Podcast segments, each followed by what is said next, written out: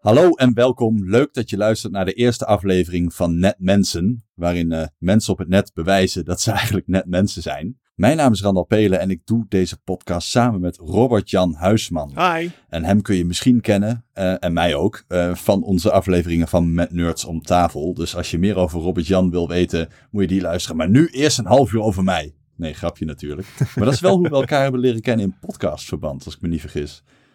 Ja, in podcastverband hebben wij uh, drie episodes van Met Nerd op tafel gedaan, tot nu toe. Twee? Ja, in ieder geval twee, zeg maar. één ja. hele en twee keer een halve. Ja, precies, precies. En, uh, maar ja, dat is lang en zeker niet het begin van onze, uh, onze relatie. Randall en ik zaten samen met elkaar op de middelbare school.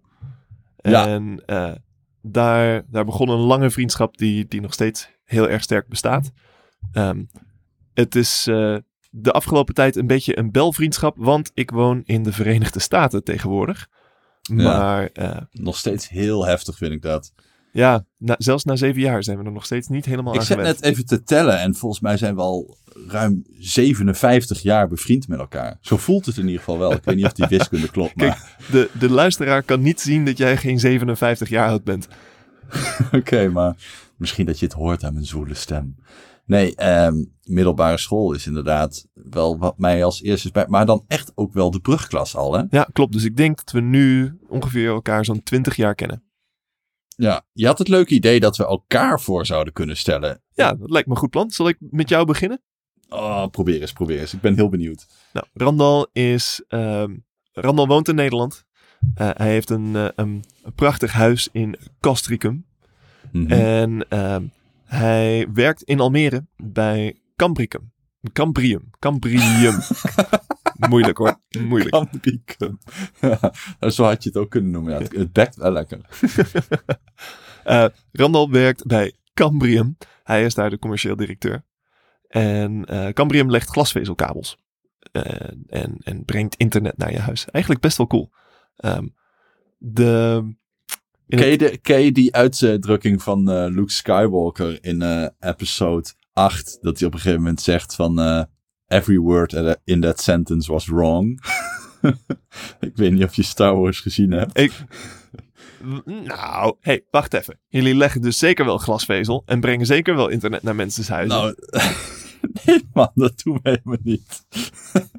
nee, uh, uh, uh, het bedrijf heet Cambrium, maar het is beter bekend als Tweak. Dus ja. dat was de eerste nuance die ik had. Dus Tweak, de internetprovider. En wij doen echt alles vanaf het moment dat die kabel in de grond ligt. Dus zeg maar, we zijn geen vastgoed investeerder, maar zodra die kabel er ligt, nou, dan komt onze magie. Precies, jullie, jullie pluggen de doosjes aan allebei de kanten van die kabel in, om er dan licht overheen te sturen. Ja. En daarmee trekken jullie internet bij iemand het huis in. Keurig. Oké. Ik zit weer te glunderen. Ga door. Oké. Okay. ik wist niet dat dit een overhoring was. Um, middelbare ja, schoolmentaliteit. Um, de, even kijken, wat, uh, wat moeten we verder van Randal nog weten? Randal heeft een zoontje, Toby. Toby is nu anderhalf.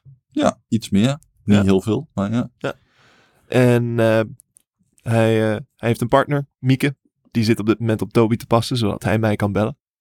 Mhm. Heel goed. Bedankt, schat. Maar uh, Randals grote passie op dit moment is naast zijn kind en zijn partner en natuurlijk het werk, is um, zijn podcast.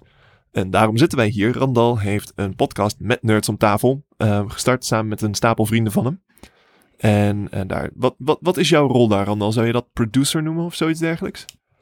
Ja, dat is heel lastig, want ik ben gewoon een van de nerds. Hè? We doen het echt met z'n vijf en daar staan we ook alle vijf achter. En we vinden het heel belangrijk om te benadrukken dat het echt een teamsport is.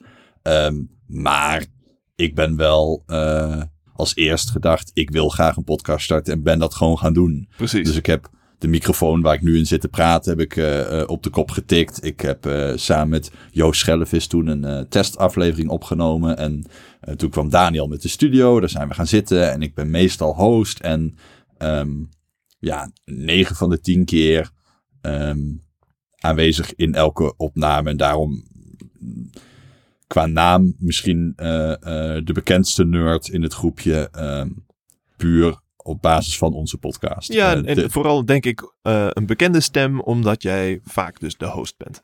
Ja, en ik doe heel veel edits en uh, ik, ik, ik, twitter, ik doe veel voor de website. Maar al die dingen worden ook wel door de rest gedaan. Um, en ik ben dan misschien de bekendste persoon vanuit de podcast met Nerds aan tafel. Maar de daadwerkelijk bekendste personen zijn denk ik Joost Schellevis en Jurian Ubachs. Want zij zijn allebei ja, tech-redacteuren eigenlijk. Uh, mm-hmm. En we mhm. hebben ook Daniel Kegel en Floris Diemel. Die zijn in het grote publiek minder bekend, maar twee oprichters van Tweakers. Dus precies. Um, ja, we hebben op zich wel een capabel clubje mannen bij elkaar. Ja, precies. Ja, eigenlijk ben jij een beetje de fifth wheel. In zekere zin wel, ja. Ik probeer de lijm te zijn tussen uh, de idioten die één keer per week bier gaan drinken en er uh, zo nodig microfoons onder een snuffer bij ja. moeten hebben. Ja, het is wel leuk dat je Tweakers even, even noemde. Tweakers.net is een website waar Randall en ik allebei heel veel tijd hebben doorgebracht. Ja, een soort rode draad in ons leven haast. Ja, en, en het was ook een beetje uh, de lijm tussen jou en mij. Nou, de lijm was in het begin dat wij ontzettend allebei geïnteresseerd waren in computers. En Randall heeft mij mijn eerste computertrucjes geleerd. Uh, heeft mij geleerd om, om nerd te zijn, als het ware. In ieder geval op computergebied.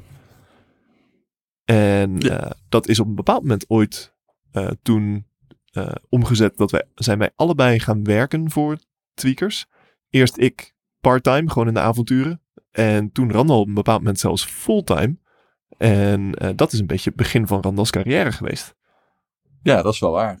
Ja, want ik heb jou leren kennen eigenlijk. Um, ja, met name in de brugklas. Daarvoor wisten van elkaar bestaan. Maar toen waren we eigenlijk niet echt bevriend. Klopt. Um, en voor mij was het heel simpel. Ik zat in die klas en ik dacht, ik vind computerstof. En ik kan er echt alles mee. Hè? Zo gaat het als je puber bent. als je twaalf bent, ja. Ik kan echt praktisch alles. Gewoon, geef me zo'n ding, ik doe het ermee. En um, het is nu heel gebruikelijk dat je mensen met tablets of uh, laptops in een klas ziet zitten. Maar dat was toen absoluut niet het geval. We praten nu 16 jaar geleden? Uh, nee, nee, nee, nee, 20 jaar geleden. 20 jaar geleden. Um, en Robert Jan is uh, dusdanig dyslectisch dat hij um, het recht kreeg toen al om met de laptop in de klas um, ja, zijn werk te mogen doen. En dat was uh, misschien zijn tijd zo ver vooruit dat Robert-Jan daarmee eigenlijk indirect ook wel een beetje het, het, het, ja, nou, ik wil niet zeggen pispaaltje, maar je, je valt wel op met zo'n laptop. Ja, en, dus, en uh, uh, nou was ik ook niet de meest, zullen we zeggen, meest weerbare persoon in de klas. Dus mm -hmm. een beetje het pispaaltje wel, maar ja. ik had wel een coole laptop. Ja, en, inderdaad. Uh, er waren wel mensen in de klas die dat wel interessant vonden, of niet, Randal? ja, inderdaad. Dus uh, ik heb eigenlijk uh, tussen het pesten van Robert-Jan door af en toe even naast hem gaan zitten om dan op die laptop ja, een beetje te laten zien wat ik ermee kon. Want ik vond het wel tof dat ik op een gegeven moment had ontdekt in Windows en in DOS vooral, dat je meerdere commando's achter elkaar in een .bat-file kon zetten. Ja, en als je die dan savede, dan werden die achter elkaar uitgevoerd. Echo Nou ja. off. Ja, exact. En op het moment dat je dat in de vingers hebt, um, denk je echt dat je de meest machtige uh, uh, mens op aarde bent. Nou, voor mij kwam dat moment toen wij ontdekten dat je het password-file van Windows 98 kan ver- verplaatsen of hernoemen. Ja, En eh, dat Windows dan alle wachtwoorden uitzet. En je dus, als, stel dat jij een andere gebruiker nog op diezelfde computer hebt zitten. Dan kan je dus vrolijk even dat bestandje verplaatsen. Dan kan je opeens als iedereen inloggen.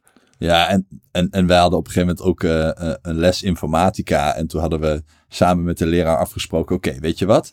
Als wij het voor elkaar krijgen om het laatste proefwerk in één klap met een voldoende af te ronden, dan hoeven we deze les niet meer te doen, toch? Ah, oké, dat lukt je toch niet. Nou, dus wij in die mappen zoeken en die Excel-files openen met een hex-editor. En daar stonden gewoon al die antwoorden van de vragen um, gewoon plain text in. Dus we hebben die toen zitten copy-pasten uh, naar een A4'tje of weet ik veel wat. En toen zijn we gewoon dat examen gaan doen, een 10 gehaald. En we waren allebei gewoon zo vrij als een vogel de rest van het jaar. En dat vond ik zo mooi. Ja. Het is echt niet meer voor te stellen dat je dat gemak...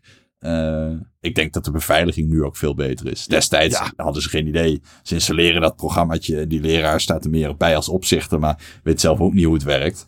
Ja, ik vond het echt mooie tijden, man. Ja, nee, en, en- en inderdaad. We hebben eh, in die tijd echt ehm, de kans gehad om heel veel te, gewoon te spelen. Dat was heel, heel leuk. Heel, Ja. heel veel ontdekkingen samen. En, ja, en als je een middelbare school voorstelt, dan weet je dat je eh, zeg maar in de pauze in de aula of op het schoolplein met z'n allen staat. En ja, jij en ik waren dan die twee nerds die dan toch ergens op de vierde verdieping nog eh, interessante gesprekken dachten te moeten hebben. Ehm, en van die gesprekken kwamen op een gegeven moment lo- logeerpartijtjes, eh, samen ehm Command Conquer over het netwerk spelen, Oh god, ja. inbelmodem. En uiteindelijk, en dat is eigenlijk een beetje de apotheose, de ontknoping van onze vriendschap geweest op de middelbare school, in ieder geval die vijf jaar. ehm, dat we samen in het lagerhuisteam van onze school hebben gezeten. Klopt, inderdaad. We hebben samen een, die debatwedstrijden gedaan. Ja, en voor mij was dat het moment dat ik dacht, hé shit, ik kan nog meer dan alleen maar achter een computer zitten. Ja, en het was Mijn leuk, hemel, joh. ik, kan, ik heb ook nog eens een vlotte babbel kom uit mijn woorden en kan het hebben dat er een camera op mijn snuffert staat. En dat was voor mij een ja, heel raar moment. Ik ben toen een beetje afgebogen naar het ja, juist niet werken met computers. Ik heb Nou, wel. dat is niet ehm, waar. Je bent na de middelbare school, ben jij eerst een, een mbo-opleiding, soort systeembeheerder iets gaan doen.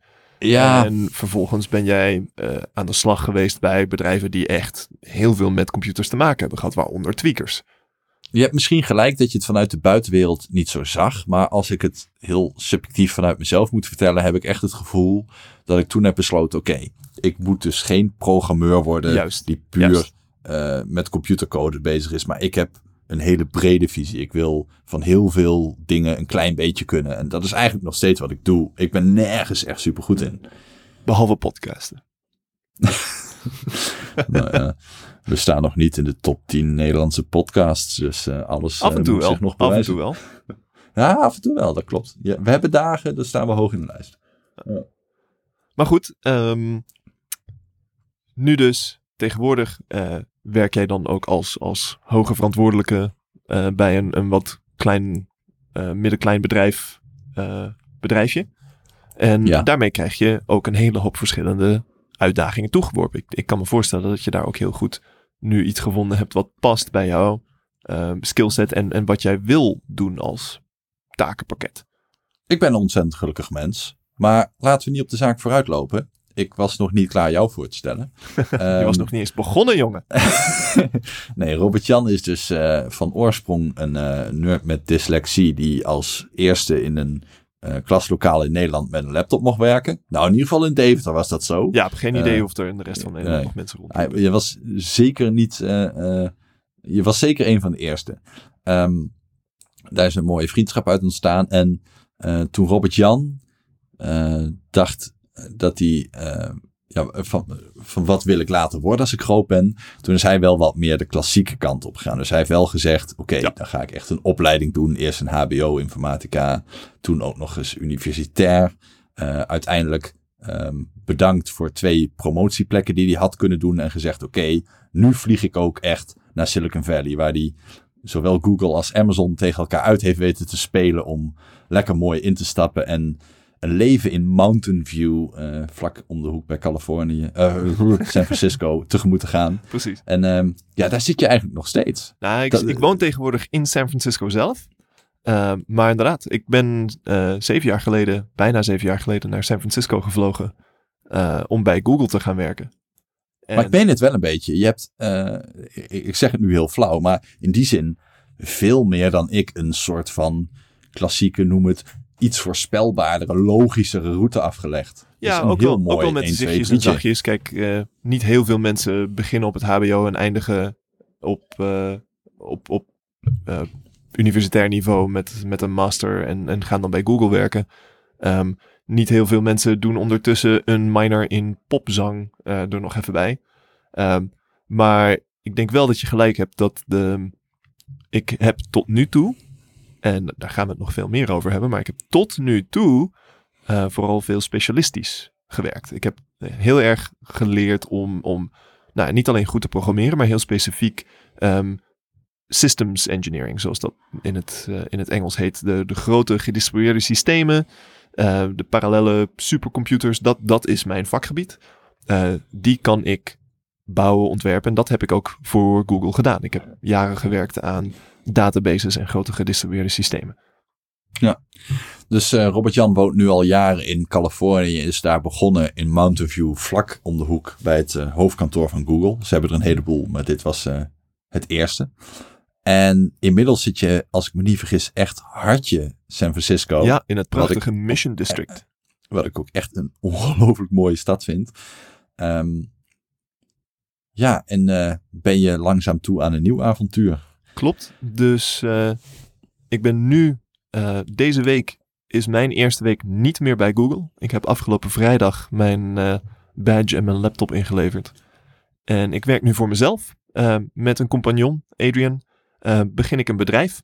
Nou, dan moeten we het daar eens over gaan hebben dan. Ja, spannend. Maar even ondertussen ben jij dus ook met allerlei dingen bezig. Met Nerds om tafel, de, jouw podcast zit niet stil.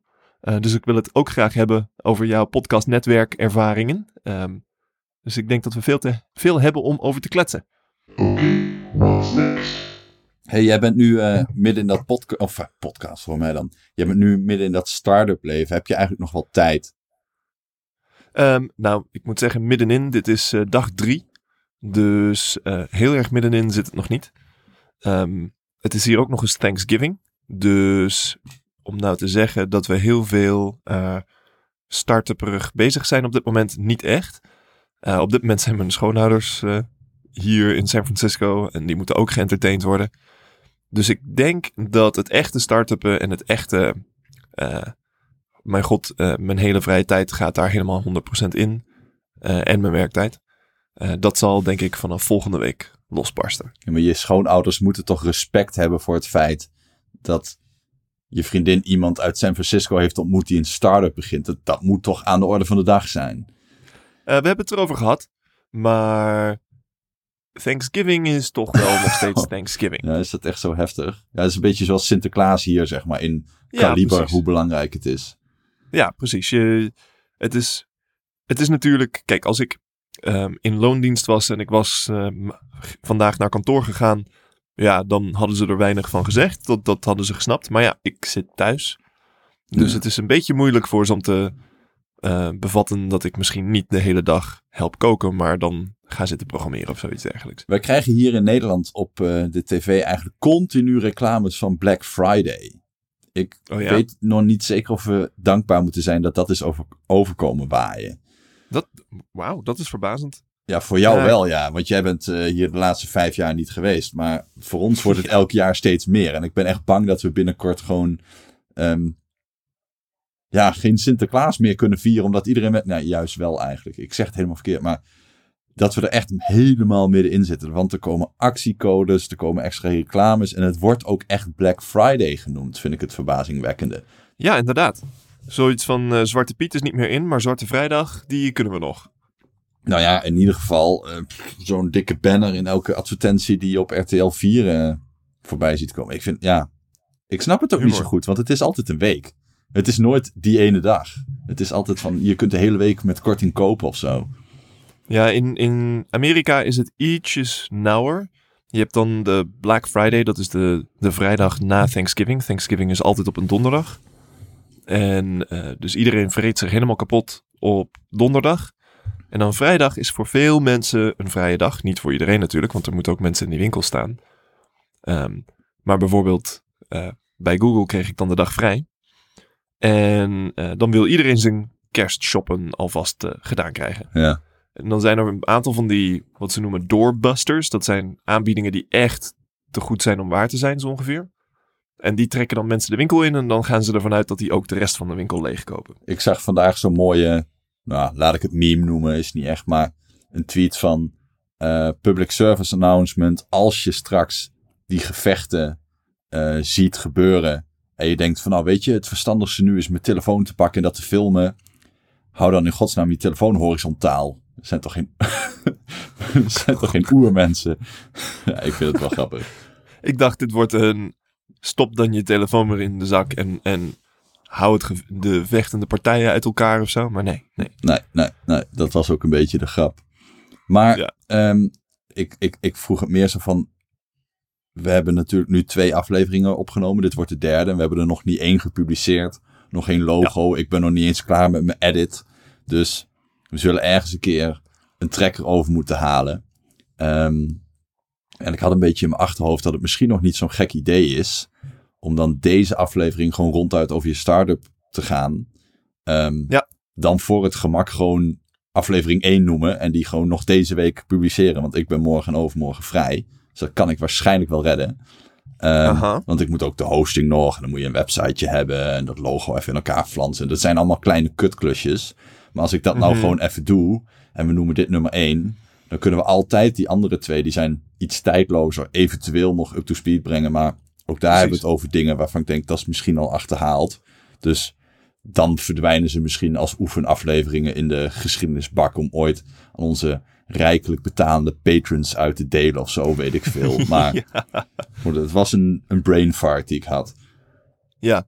Ehm, heb je dan het idee dat we het in de toekomst nog weer nog veel meer over start-up dingen gaan hebben? Dat we een soort levend eh, dagboek maken, zeg maar? Ja, het zou kunnen. Ik bedoel, we zouden niet de eerste podcast zijn. Eh, de podcast Startup, die doet elk seizoen een startup. En de eerste was heel meta over het bedrijf dat die podcast maakte, hoe dat is ontstaan. En ik vond dat heel leuk om te luisteren. Dus Ja. ja je hebt nu een start-up. Ehm, ik heb net Mhm. mijn podcast, eh, onze podcast, aangesloten bij een podcastnetwerk. Dus in die zin zijn we ook sinds kort een bedrijfje. Ja, Ehm. daar wil ik ook meer over horen. Nou, laten we het daar in hemelsnaam over hebben dan. Oké, prima. Dus dan is de deal. Dan gaan we het eerst eventjes hebben over jou. Jouw ding. En dan kunnen we het daarna hebben over waar ik mee begon. Oh, want jouw ding duurt langer, denk je. Denk het wel. Oh, wat ben je toch een arrogante asshole. Oké, Ik weet niet. Nee, met Nerds om tafel is eh, eigenlijk sinds afgelopen aflevering, nee, vanaf 1 december officieel aangesloten bij Dag en Nacht Media. En ehm, dat vind ik zelf heel Mhm. stoer, want we zijn al een poosje aan het kijken om ehm, langzaam geld te verdienen met de podcast. En dat klinkt heel graaierig, maar in eerste instantie is dat gewoon omdat het best wel geld kost. Je moet die studio huren en parkeren en eten en ehm, website hosting, eh, apparatuur, noem het maar op. Mhm. nou, we hebben altijd gezegd, een leuke hobby mag geld kosten. Maar ehm, ja, we merkten toch wel dat als je patrons vraagt om ons eh, te steunen, dat ze dat leuk vinden om te doen. En we merken ook dat eigenlijk regelmatig adverteerders op ons afkomen van, joh, kunnen we niet eh, tegen betaling dit, tegen betaling dat. Denk ik, ja, weet je, we zijn ook misschien gek als we die kans laten liggen. En, niet onbelangrijk, het zou wel tof zijn dat we op, gewoon, op een gegeven moment gewoon meer tijd eh, in die podcast kunnen steken. Zodat we met nerds om tafel, weet ik veel, iemand een halve dag minder gaat werken. Eh, op een gegeven moment nog iemand. Op een gegeven moment wordt het Ja. een dag. Eh, uiteindelijk misschien zelfs wel je geld verdienen met podcasten. En als ik kijk naar hoe leuk ik het vind. Nou, jongen, ik zou niks liever willen. eh, de halve week daarmee bezig zijn. Aan de andere kant, ik vind mijn normale werk ook superleuk. Dus ik zou dat absoluut niet op willen zeggen. Dus ik hoop dat maar die... één eh, dag per week, hè? Dat, eh, ja, dat is redelijk makkelijk te, voor te stellen. ligt eraan. Ja, als het realistisch zou zijn, eh daar ben ik zeker te porren. Maar ik zie dat nu niet 1, 2, 3 gebeuren. Ehm, aan de andere kant, waar sta je over een paar jaar? Nou, in ieder geval, Mhm. dat hete hangijzer van geld verdienen met die podcast hing al langer boven ons hoofd. Ehm, en toen zijn we op een gegeven moment heel, heel mooi uitgenodigd door de mannen van Dag en Nacht Media, Anne Janssens en Tim de Gier. En wat ze eigenlijk hebben gedaan, is het zijn voormalig journalisten allebei. En eh, wilden samen het eerste eh, podcast-only netwerk eh, met alleen maar podcasts. en dus niet ook nog een radiostation ernaast. Dus het is geen gerenommeerd mediabedrijf dat er ook nog even podcast bij gaat doen. Maar zij doen podcast first, podcast only. En ze hebben aardig wat adverteerders, aardig wat echt kwaliteitspodcasts. En tijdens de afgelopen podcast awards ook eh, vier prijzen in de wacht gesleept. Ehm, Nice. Ja, maar dus- wat, wat betekent het om een podcastnetwerk te hebben? Wat, ja, dat is een wat beetje houdt dat in? lastig. Wat zij in dit geval bedoelen is, eh, zij zijn een eh, bedrijf. En wij hebben een contract met dat bedrijf. En in dat bedrijf, in dat contract staat dat zij onze podcast hosten. Wij maken zelf de content en wij zorgen zelf voor eh, het uploaden daarvan. Maar zij zetten de advertenties neer, eh, dynamisch ook. Hè, dynamic eh, ad insertion, Mhm. dat, is wel, dat is wel heel vet trouwens hoor.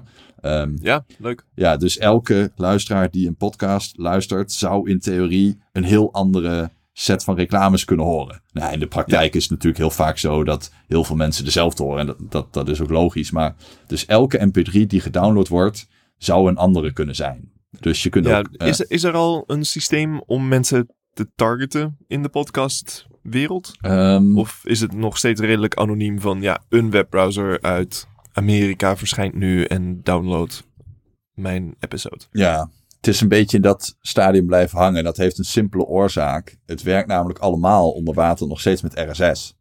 Dus Mhm. ehm, net zoals dat je in HTML eh, uiteindelijk JavaScript nodig hebt om de leukere tracking te doen. HTML zelf kan dat domweg niet.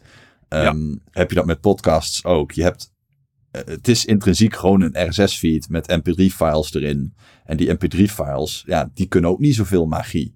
Dus je zit een beetje ja, in de val wat dat betreft. Je ziet wel welke agent dus die eh, mp3 download. Nou, dus dan weet je, is het een iPhone, een iPad, een iOS Ehm, je weet, kijkt iemand het in eh, iTunes, wat verdacht veel mensen doen. Dat is echt bizar. Dus je zit gewoon in iTunes op een desktop te luisteren. Ja, be my guest, dit is prima. Ik doe het Ja, ik alleen kan me niet. voorstellen op je werk of wherever. Als Maar even, zeg maar, als je kijkt naar het aandeel iOS, dat is, dat is praktisch de helft van al je luisteraars. En dat is echt wel heel veel. Ehm, Maar goed, meer zie je niet. Dus eh, wat wel heel mooi is aan die targeting, en dat is eigenlijk ook een bruggetje naar waarom Dag en Nacht ons onder andere heeft uitgenodigd. Dus wij maken dus onderdeel uit van een katern. En dat betekent dus eh, dat we in tech- en media katern zitten. Met onder andere de podcast van Alexander Klupping. Dus eh, ehm, een podcast over media heet die.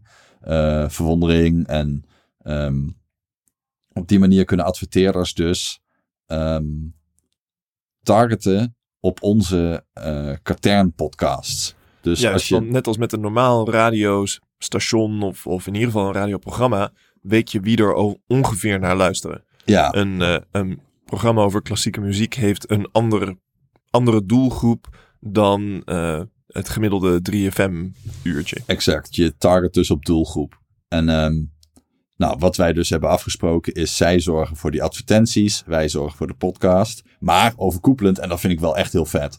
is dat die podcasts elkaar ook aan gaan eh, prijzen. Dus als jij eh, bijvoorbeeld een podcast over media hebt geluisterd... en die is afgelopen, dan hoor je nog even van... hey, als je dit leuk vindt, grote kans dat je het ook leuk vindt... om naar Met Nerds op tafel te luisteren. En dan kunnen we elkaar op die manier een beetje helpen...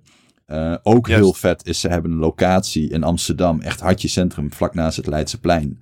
Ehm daar kunnen we nu ook live eh, podcasts gaan doen. Dus ze hebben een zaal, Oh, leuk. die kunnen we gewoon huren. En dan gaan wij op dat podium zitten. En dan zit er daadwerkelijk publiek dat ook nog eens bier kan kopen. Nou, echt.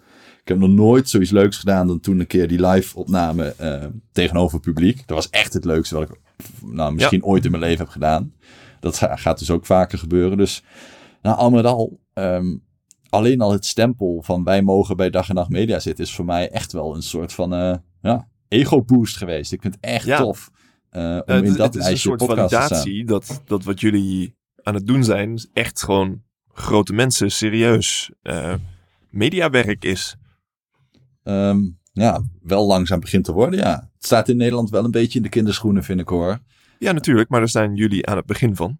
Ja, nou, in ieder geval zijn we belangen naar niet te laat, want ik denk dat er nog veel gaan komen. Hm. Ik hoop het, ja. En jouw start-up dan? Nou, mijn start-up is ietsjes, ehm, ietsjes traditioneler dan die van jullie. Eh, het is niet dat we een heel nieuwe categorie van bedrijven aan het uitvinden zijn of iets dergelijks. Ehm, het is ook, ehm, het is zeker niet een avonduren soort start-up. Het is een al je uren soort start-up. Eh, al een, eh, een tijdje ben ik met een vriend van mij gewoon in de avonduren aan het kletsen over een, eh, een idee dat hij heeft gehad in de, op het gebied van optica. Ehm, en dan specifiek de, de optische markt van ehm cinematografie-lenzen. Dus dat zijn lenzen die je gebruikt als je een tv-serie aan het maken bent of een film aan het maken bent. Dan huur jij hele grote dure lenzen voor jouw videocamera. En ehm, die lenzen die kosten ja, zo'n 20.000 euro per stuk, zoiets dergelijks. Kan, kan zeker. Je hebt, je hebt goedkopere, maar je hebt ook duurdere. En eh, over het algemeen huurt een eh, producer huurt er een stuk of I don't know, vijf tot tien ergens voor, uh, voor één productie.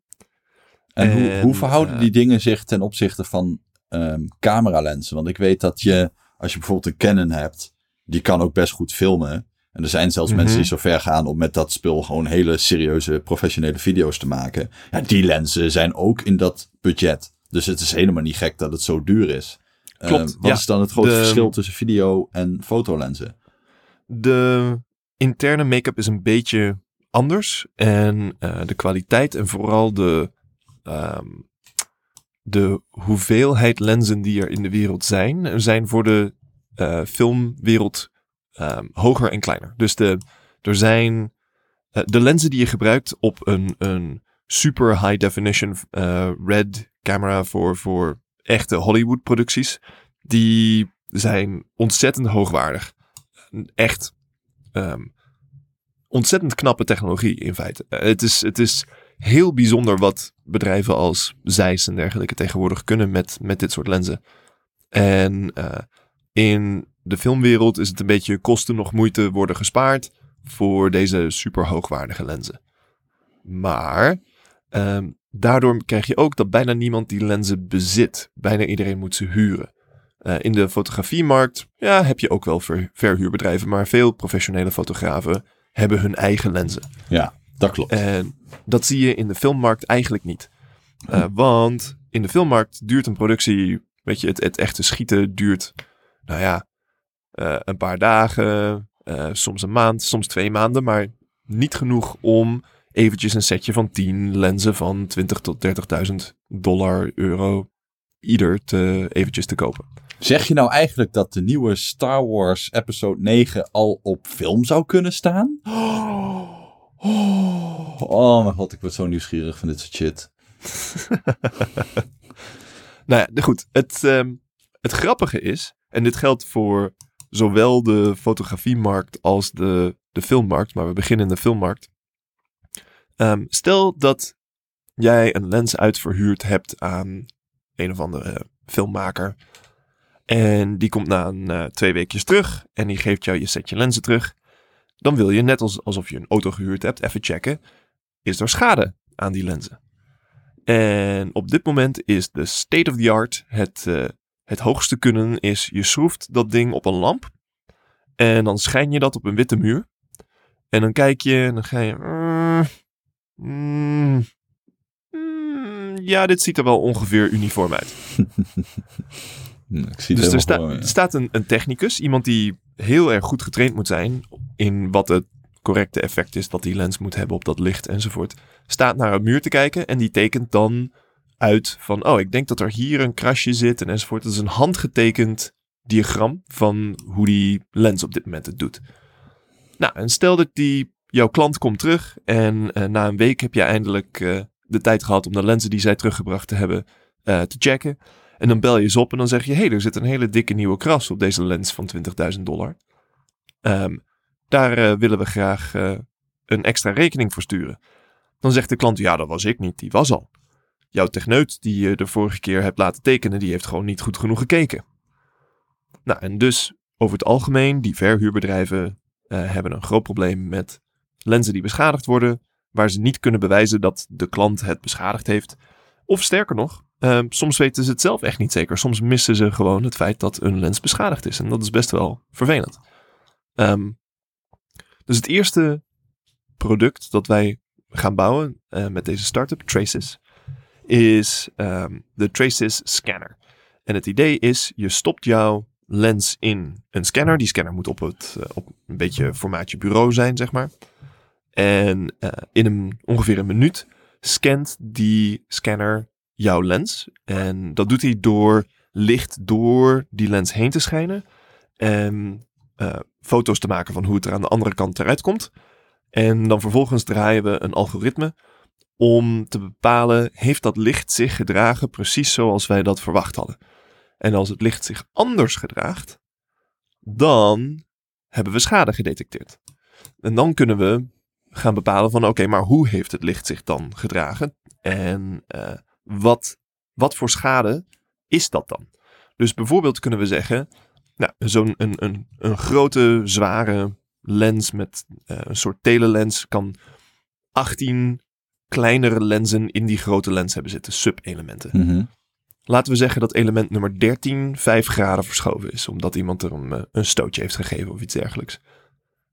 In, eh, op dit moment zou je zien van, huh, de lens ziet er een beetje raar uit. Maar nou ja, de, de techneut, als die het al ziet, moet de hele lens openhalen om erachter te komen wat er mis is. En vaak, sterker nog, weten ze niet, zelfs na de reparatie weten ze niet wat er mis was. Ze halen gewoon alles eruit, poetsen het allemaal, zetten het weer netjes terug.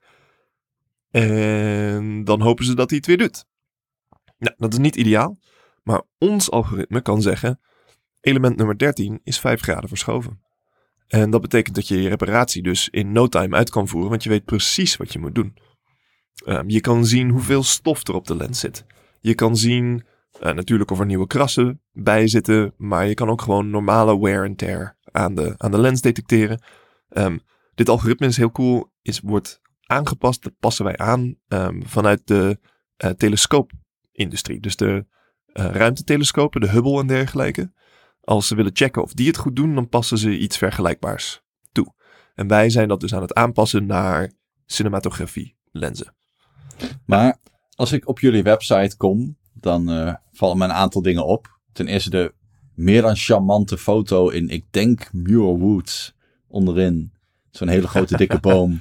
Ja, En, jij, eh, jij, jij zit te kijken naar ons, ehm, wat ik noem mijn one-pager. Ja, Ehm, ik exact. wil niet zeggen dat dat nou onze website is, maar we hebben inderdaad bij de aankondiging dat ik eh, deze start-up, eh, bij, met mijn vriend samen deze start-up ging doen, hebben wij een one-pager geschreven over dit is het idee. En, en eh, daar onderaan staat inderdaad, dit is het team. En daar staat een foto van Adrian, mijn co-founder en ik.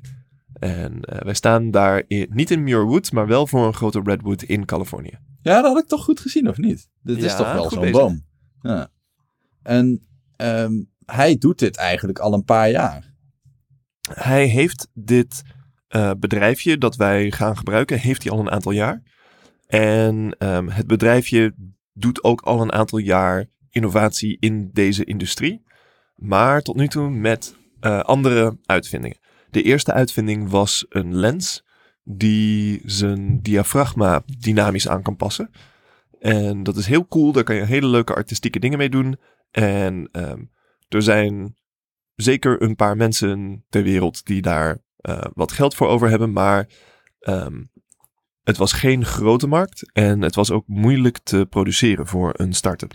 Ehm, er zit een element in, een, een hele hoog contrast, hoge resolutie ehm, LCD, die eh, heel moeilijk te krijgen is.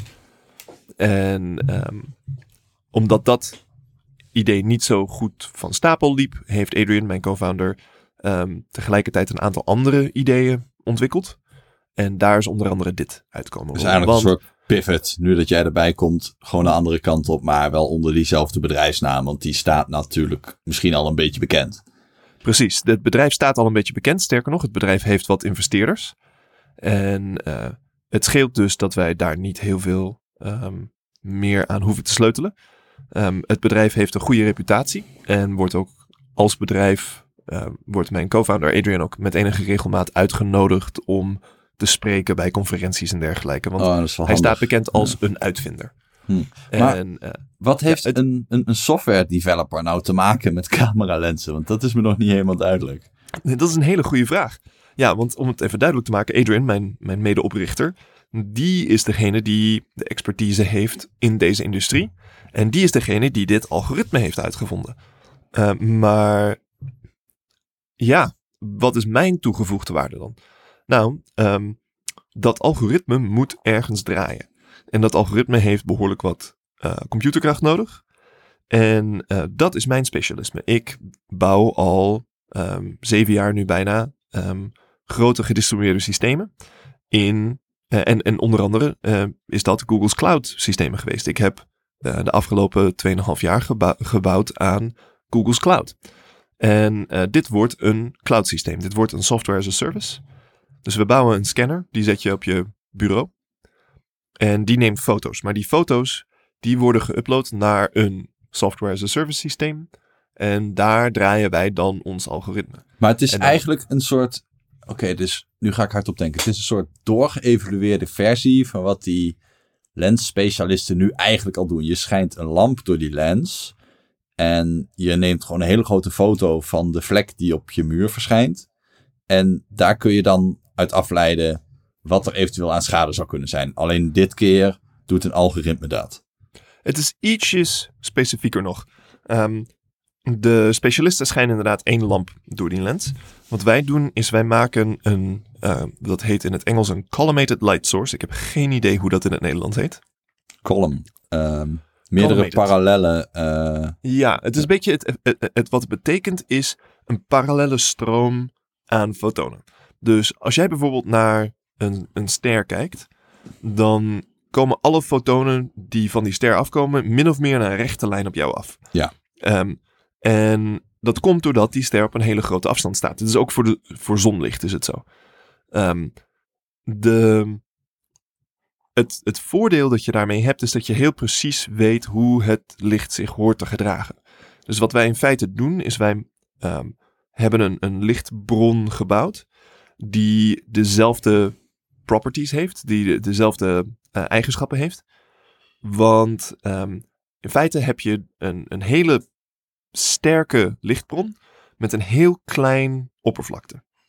En uh, daardoor krijg je dus een heel uh, betrouwbare, voorspelbare stroom parallele fotonen. Maar uh, in tegenstelling tot die grote lamp die normaliter door die lens heen geschenen wordt om te kijken hoe die het doet, ehm, bestrijk je daar maar een heel klein stukje van de lens mee.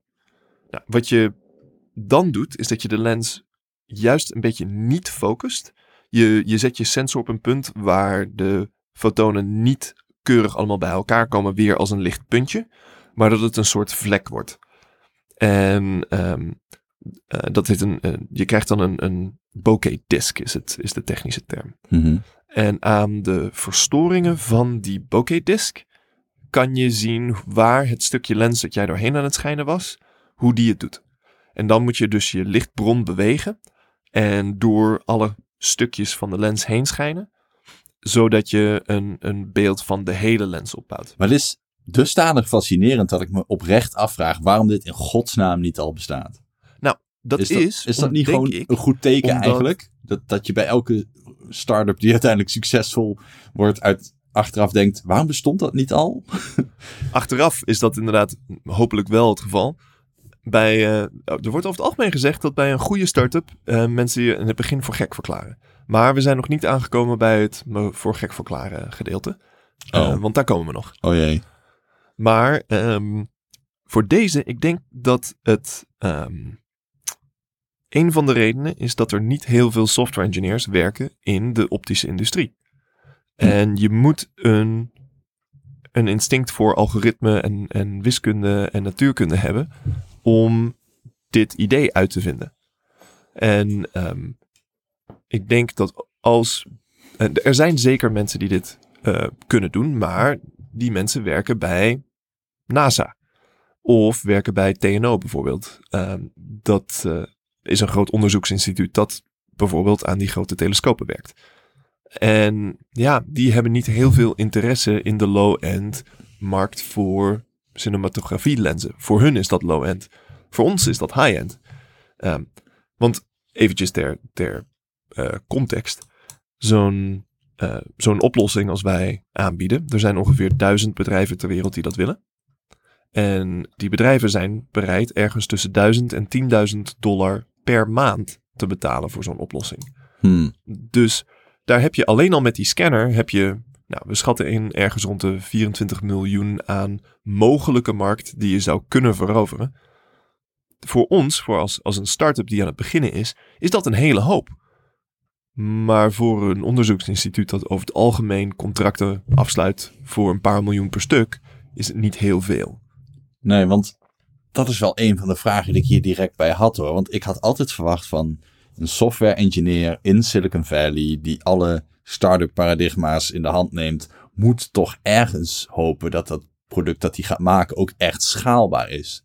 En ja, ik zie Mhm. hier nu wel iemand die met de hand dat ding uit een doosje pakt, heel zorgvuldig in een mount eh, klem zet. Vervolgens doet die software zijn ding En een minuut later, of misschien wel sneller, heb je je resultaat. Alleen, ja, er is wel iemand ja, met, met, met hand, handmatige processen bezig. Maar er is niet iets dat hier keer 20 uh, kan schalen. Op een gegeven moment is die markt gewoon op.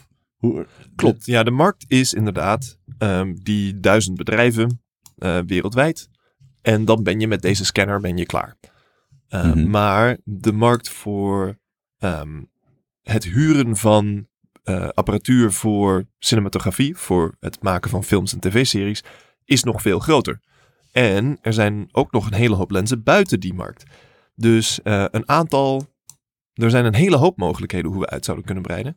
Maar um, degene die we het beste uitgedacht hebben en waar ik denk dat waar ik opgewonden van word, omdat het dan opeens heel veel meer als een Silicon Valley startup begint te klinken, is het idee van een marktplaats.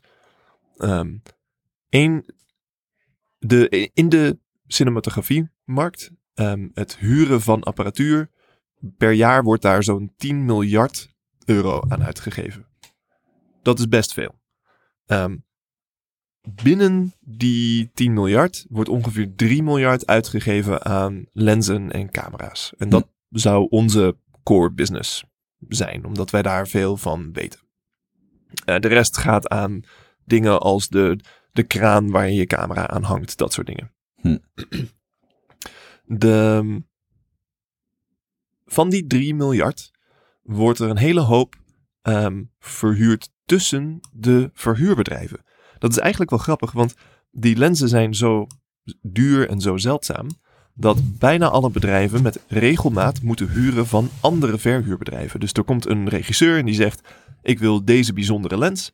Dan hangt dat bedrijf uh, waar de regisseur aan kwam waaien, uh, dat hangt dan vrolijk een dag of twee aan de telefoon om die zeldzame lens te vinden en te onderhandelen hoe ze die in, in handen gaan krijgen, hoeveel dat gaat kosten enzovoort. En, en dan moet het nog verzonden worden, verzekerd, de hele shebang. Nou, dat kunnen wij straks veel beter. Want stel dat de hele wereld die scanner gebruikt. Uh, we denken dat dat een product is waar bijna alle bedrijven om staan te springen. Dus als we dat uh, aantrekkelijk genoeg maken, dus dat het goed genoeg werkt en dat het uh, een, een laag genoeg prijskaartje heeft, dan denken wij dat de meeste verhuurbedrijven dat willen. En iedere keer dat zij zo'n lens scannen, krijgen wij die data. Uh, want dat algoritme draait in onze systemen. Dat algoritme kan heel precies identificeren welke lens jij daar hebt. Uh, sterker nog, je kan twee lenzen van dezelfde type hebben. En het, het algoritme kan het verschil tussen die twee zien. Het is zo accuraat dat je dus precies kan zien. Je bouwt als het ware een soort uh, vingerafdruk van die lens. Ja, dat lijkt me logisch. Ja. En um, dus wij weten na een bepaalde tijd uh, van het, het, scannen van al deze lenzen, weten wij precies waar alle cinematografie lenzen ter wereld zijn. En dat is voor het eerst. Nog nooit heeft iemand het voor elkaar gekregen om zo'n database op te bouwen van waar alle lenzen zijn. En um, bovendien weten wij als geen ander hoe goed die lenzen op dit moment nog uh, in elkaar zitten. Zit daar een hele stapel krassen op? Um, is die 17 keer gerepareerd? Of is dit gloednieuw en, en vrijwel uh, recht uit de doos? Waren uh, duizend bedrijven, zei die dat in totaal allemaal doen. Ja. En dat is wereldwijd. Wereldwijd, inderdaad. Dus ja, die marktplaats is eigenlijk een soort van. Um, ja, ik wou zeggen zero-sum game, maar dat klopt niet. Het is in ieder geval, er zijn x lenzen. En als je die efficiënt weet in te zetten en te distribueren, dan heeft iedereen er uiteindelijk voordeel bij. Alleen, mm -hmm het zet jullie wel heel erg in de lead, natuurlijk. Zouden daar niet bedrijven zijn die daar een beetje bang voor worden of daar niet aan mee willen doen uiteindelijk? Nou, het grappige is, en dit is waarom ik het um, ja, moreel gezien een interessante start-up vind. Uh, deze duizend bedrijven, het overgrote deel daarvan zijn uh, wat we in Nederland MKB noemen, uh, midden- en kleinbedrijf. dit zijn bedrijven met misschien, nou, laten we zeggen dat de grootste een man of honderd in dienst heeft. En uh, met uitzondering van um, een paar hele grote bedrijven. En de grootste is Panavision. Panavision is beroemd in de uh, televisie en, en uh, vooral ook de filmwereld. Je ziet hun logo ook vaak na Hollywoodfilms en dergelijke, want um, zij verhuren bijna alle apparatuur die je kan, kan verzinnen dat je zou willen. En zij maken hun eigen camera's. Tegenwoordig zijn hun camera's niet zo bijzonder meer. Het was ooit dat het eh, echt camera's waren die je moest hebben, min of meer. Dat is niet meer het geval. Ze hebben de overstap naar de digitale wereld een beetje gemist. Maar ze zijn nog steeds een heel groot verhuurbedrijf. En hun strategie op dit moment is om met eh, geld van rijke investeerders zoveel mogelijk van deze MKB-bedrijfjes op te kopen voor zo weinig mogelijk geld. Zodat hun eh, inventaris van lenzen groeit tot het punt dat zij bijna alles zelf in huis hebben. En nooit meer geld hoeven te geven aan die onafhankelijke kleine bedrijven. Want zij willen niet afhankelijk zijn van die ehm, herverhuurmarkt. Eh, dat kost hun een hoop geld, want ehm, iedere keer dat jij van een ander bedrijf een lens moet huren, eh, betaal jij zo'n 30% extra voor die lens. Nou, dat, ehm, dat, die strategie die zij dus volgen, het opkopen voor weinig geld van die kleine bedrijfjes, ehm, klinkt leuk voor hun, maar is niet zo leuk voor de andere bedrijven in de markt. Eh, die proberen met z'n, soms maar met z'n tienen en soms met z'n honderden zo'n bedrijfje eh, te laten draaien. En worden straks genadeloos door Panavision de markt uitgeconcurreerd op, eh, op gewoon prijsniveau. Maar daar gaan jullie dus een stokje voor steken. Precies. Wij denken dat wij die onafhankelijke bedrijven net zo efficiënt samen kunnen laten werken als Panavision dat kan met hun grote bedrijf. En nu vind ik het wij opeens hebben cool. daar geen enterprise voor nodig. Ik vind dat wel.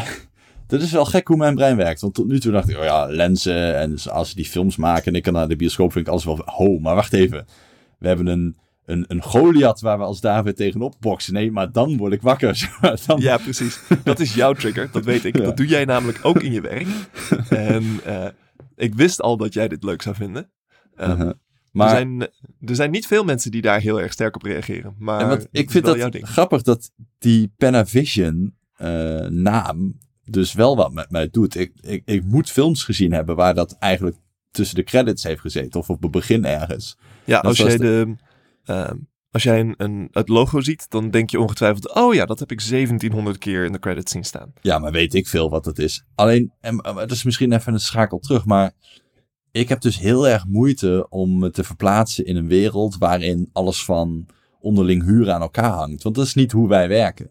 Eh, Bij ons Mhm. in de glasvezelbranche is het zo, ehm, je legt het netwerk neer, je bouwt een wijkcentrale, je hangt de apparatuur op en je komt er pas weer als die apparatuur vol zit of als je een kabeltje om moet prikken. Maar het is niet zo dat je daar onderling echt aan ruilhandel doet. Ehm, Ja. Maar ik kan me wel voorstellen als je een film aan het maken bent en je hebt die lens, in eerste instantie gingen ze film maken, hebben ze een lens gekocht en die lens heb je drie maanden nodig, want dat is wat volgens mij een productie van een hele grote film ongeveer duurt.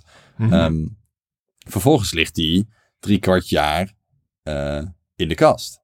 En dan komt eh, de volgende episode van Star Wars. En dan heb je hem weer drie maanden nodig. En daarna ligt hij weer drie kwart jaar in de kast. Dus ik snap dat die ruilhandel is ontstaan. Nou ja, Ehm, en, en sterker nog, kijk, de meeste. ehm, er zijn zoveel verschillende lenzen. En de meeste regisseurs hebben hele specifieke voorkeuren voor welke lens er wanneer dan ook gebruikt moet oh worden. god, hebben die ook nog wat te zeggen? Ja, als je dus als productiebedrijf tien van die lenzen koopt. En de volgende, het volgende jaar maak je weer een andere film. Misschien dat die regisseur wel zegt: Ja, maar die tien wil ik helemaal niet. Ik wil tien hele andere. Oké. Dus vandaar inderdaad het verhuurbedrijf. En dan, ja, omdat ze zo duur zijn, om, omdat ze ehm, eh, zo. ehm, ehm, omdat ze zo kapitaalintensief zijn om te kopen. En omdat ze zo zeldzaam zijn in de, in de zin van, het is niet dat je duizend van ieder van die lenzen op de plank hebt hoeven liggen wereldwijd. ehm, is het gewoon heel logisch om af en toe zo'n lens van ander, een ander bedrijf te huren. Tenzij je dus bijvoorbeeld Panavision bent en zoiets hebt van nee, ik wil wel alle lenzen ergens ter wereld hebben liggen, zodat ik ze nooit van iemand hoef te huren. Maar er zijn dus duizend bedrijven die de lenzen verhuren. Dus er is een veelvoud aan dat soort lenzen. Maar Ja. Als ik hier in de bioscoop in Amsterdam ga kijken, komen er niet meer dan duizend films per jaar ehm, uit die ik kan gaan zien. Eh, Zijn er nog andere markten die er ook gebruik van maken? Want ik zit echt met mijn hoofd in Hollywood. Ja, klopt. Nee, Hollywood is natuurlijk de- het makkelijkst voor ons voor te stellen. En dan misschien de, het tweede makkelijke voor te stellen is de, de tv-serieproducties. Ehm een Oh van ja, de grootste drivers van, de, van deze industrie op dit moment is Netflix. Ehm, want door Netflix en, en Hulu en HBO en dergelijke krijgen we ehm, steeds meer productie van hoogwaardige tv-series. En ehm, daardoor zit de hele industrie zit in de lift. Dit is een ontzettend groeiende markt, omdat wij als consumenten ontzettend gewend zijn aan het, eh, aan het, gewend zijn aan het raken eh, aan deze hoogwaardige tv-producties. Eh, denk bijvoorbeeld Game of Thrones of We- Westworld. Dat wordt geschoten op apparatuur dat minstens zo goed is als de gemiddelde Hollywood-film. En ehm, als we dan een, eh, een deurtje verder kijken. In India heb je de hele Bollywood scene, waar ook ontzettend veel films worden gemaakt en eh, waar ook veel tv-series worden geschoten. China heeft een, een enorme interne markt. Maar dan hebben we het alleen nog maar over films en tv-series. Je kan ook nog eens denken aan reclames. Ehm, als jij een reclame op tv ziet, dat heeft, die productie heeft misschien maar een paar dagen gelopen voor het, het schieten van die beelden. Maar het zou heel goed kunnen dat daar een aantal verschillende lenzen bij zijn gebruikt. En eh, dat zal je toch ergens vandaan moeten halen. Ja, maar er is Ehm, natuurlijk genoeg video. Ik bedoel, je hebt ook eh, YouTube-video's, je hebt ook ehm, bedrijfsvideo's. Eh, Ja. Over niet het algemeen alleen. huren die niet apparatuur ehm, zo even bij zo'n bedrijf weg. Want dat gebeurt meestal op een, weet je, zo'n een Canon camera of een, een whatever. Wat ik leuk vind aan jullie start-up wel is, ehm, ik kom dus op eh, ja, die one page van Traces en dan zie ik, oké, stage 0. Dat is dan weer zo'n leuke nerdknipoog. Ik vraag me af of je dat moet doen, of iedereen die grap snapt. Maar goed, oké, stage 0. Dus je hebt een soort van Tesla masterplan, zoals Elon Musk dat ooit heeft gepubliceerd. Van oké, we maken Mhm. eerst een hele dure auto met weinig oplagen, dan een iets minder dure oplage, eh, eh, auto met nog meer oplagen en uiteindelijk willen we een auto voor iedereen. Ehm, jullie Mhm. hebben nu gezegd, oké, we gaan eerst je lenzen scannen en dan vertellen we gewoon hoe goed die is. Punt. Daarna gaan we ook bijhouden voor jou hoe goed die lens nu is, hoe goed die in de toekomst is en hoe goed die in het verleden was. Oh, en daarna, als we dat van al die lenzen toch al weten, dan kunnen we jullie ook onderling helpen om de marketplace te disrupten. Of nee, Precies. te Om jullie heel efficiënt Ja. aan elkaar te verbinden. Zodat als jij een lens nodig hebt, dat het je minder geld kost om dat van iemand anders te huren. En voor de mensen die lenzen op de plank hebben liggen, dat die vaker zo'n lens verhuren. Ik vind het wel cool. Het is eigenlijk best wel een logisch 1, 2, 3'tje. Precies, dat denk ik ook. Nou, en dan zijn er natuurlijk, eh, iedere start-up eh, gaat nooit helemaal volgens plan. Er zijn een hele hoop andere uitwijkmogelijkheden. Er zijn andere industrieën die lenzen gebruiken. We zouden de fotografiemarkt in kunnen gaan. Ehm, deze data over hoe lenzen het doen eh, in, het, in het veld, hoe die daadwerkelijk ehm, over eh, van, van dag tot dag, zeg maar, minder scherp worden, bijvoorbeeld, whatever. Ehm, dat soort data kan gebruikt worden om betere lenzen te maken. Want daar, je kan dus bijvoorbeeld met een bedrijf als Zeiss samen gaan werken en zeggen van kijk, deze lens die die technologie gebruikt, die ehm, is na een maand al minder goed. Maar deze andere, die houdt het een jaar vol voordat die eh, slechter wordt. Zoiets dergelijks. Hoe ziet het leven voor jou er nou de komende tijd uit? Want je bent dus co-founder, maar ja, het bedrijf bestaat ook al drie jaar. Dus ehm, je bent co-founder van die stage 0. Misschien Precies. had eigenlijk stage 0 het hele ehm eh, Tracer Scanner project moeten zijn. Nee, dat, dat is wat je nu doet, toch? Wat deed, wat Precies. deed eh, Adrian daarvoor ook alweer? Eh, de lens, de Traces lens, was de, de vorige uitvinding. Nou ja, die eh, gaat de plank op. En ehm, daar, ja, dat is dus inderdaad een, een volle pivot, zoals dat in, het, in de start-up wereld heet. En ja, ik, ik, natuurlijk, Traces bestaat al een hele tijd, maar mentaal gezien is dit een nieuwe start. Ja, oké. Dus, maar goed, jij, jij, jij stapt dus in. Je gaat hier fulltime aan werken. Dus je bent co-founder. Dus je zijn allebei eigenaar van het bedrijf. Maar je hebt Klopt. ook al gezegd, en dan komt het volgende paradigma. Je hebt ook investeerders. Dus die zullen dan ook een deel van het bedrijf hebben. Ja. Klopt, ja. De, ehm, op dit moment hebben de investeerders eh, totaal bij elkaar, denk ik, iets minder dan 4% van het bedrijf in handen. Mhm. Ik was zelf ook investeerder, maar als onderdeel van het instappen van mijn co-founder, eh, als, als co-founder, heb ik die aandelen omgezet in normale Eh, of, of als oprichtersaandelen, eh, als Mhm. het ware.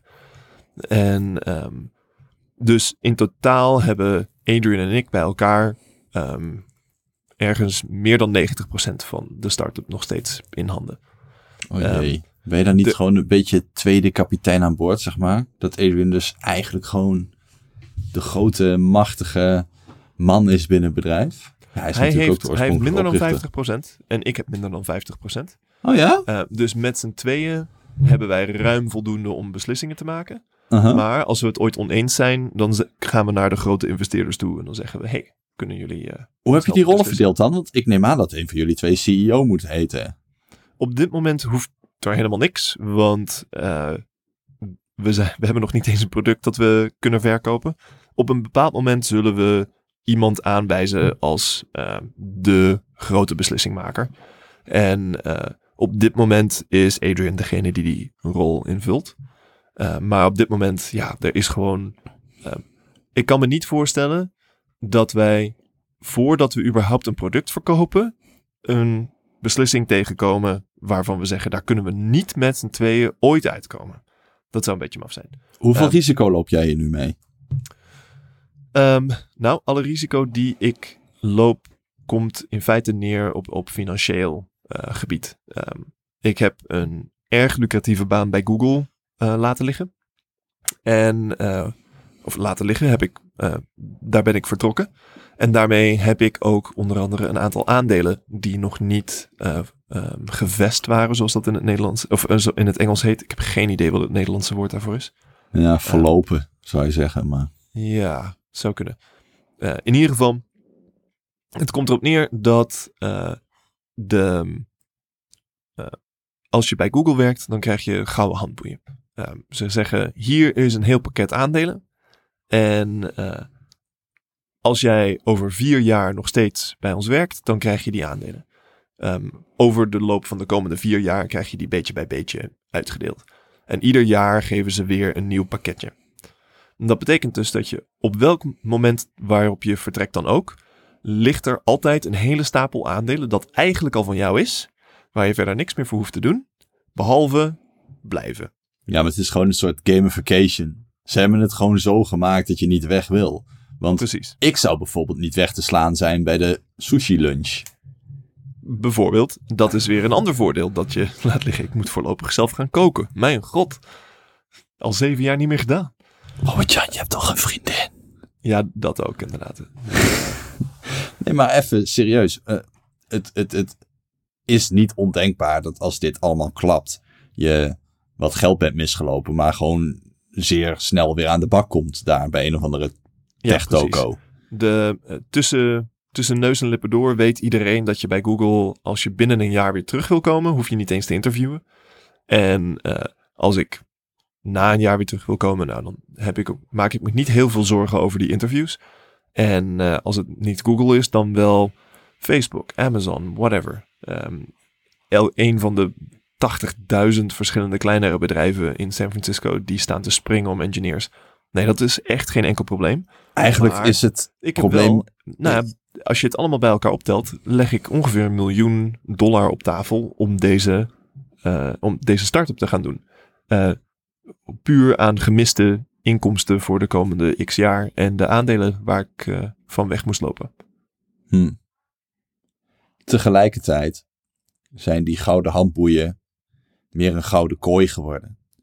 Want zolang jij in Silicon Valley rondtoeft en je hebt deze set aan skills, ehm, je moet niet proberen om in een of ander gek landje heel erg ver weg te gaan wonen.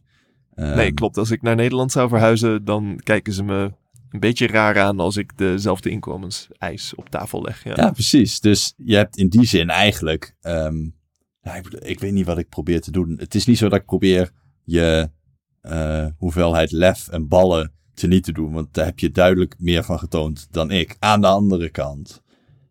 Ja, Het is niet heel persoonlijk riskant. nee, het is een weloverwogen keuze. veel grotere waarde hierin is dat ik een hele hoop ga leren. Ehm, ik zat nu eigenlijk al een tijdje bij Google dat ik zoiets had van, nou, het werk dat ik doe is op zich wel interessant, weet je, intellectueel gezien interessant.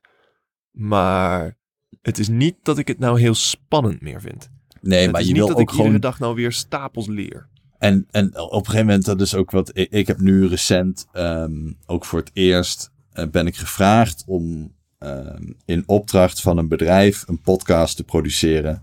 En die vraag werd mij gesteld en ik zei direct ja. Want dat is een beetje wat ik heb onthouden uit eh, alle andere start-up verhalen die ik ooit heb gehoord. Is op het begin moet je gewoon overal ja tegen zeggen.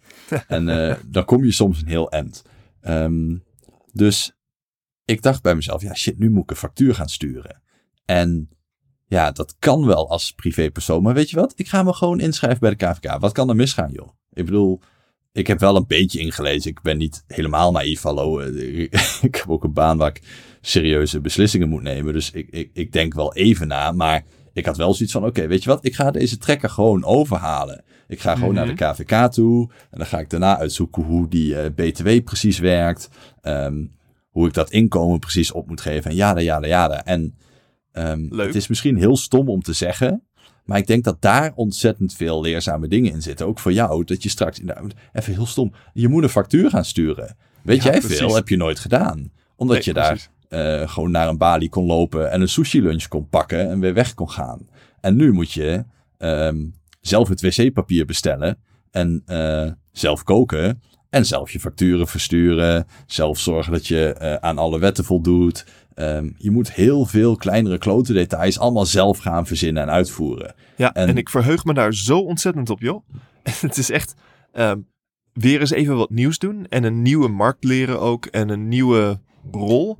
Ehm, sta ik om te springen. Ik ben, ik ben ontzettend enthousiast eh, dat ik die kans nu heb. En ik denk dat dat voor mij de grootste reden was om dit te gaan doen. Ik vind dit, dit is een, een idee dat, waar ik echt in geloof. dat echt kan werken. En dat echt een, een verschil kan maken in deze markt. En eh, tegelijkertijd is het iets waar ik denk dat ik ontzettend veel kan groeien. Iets ehm, kan leren wat ik nergens anders zou leren. En eh, ook heel veel lol mee kan hebben. Cool. Hoe gaat het met het kleintje?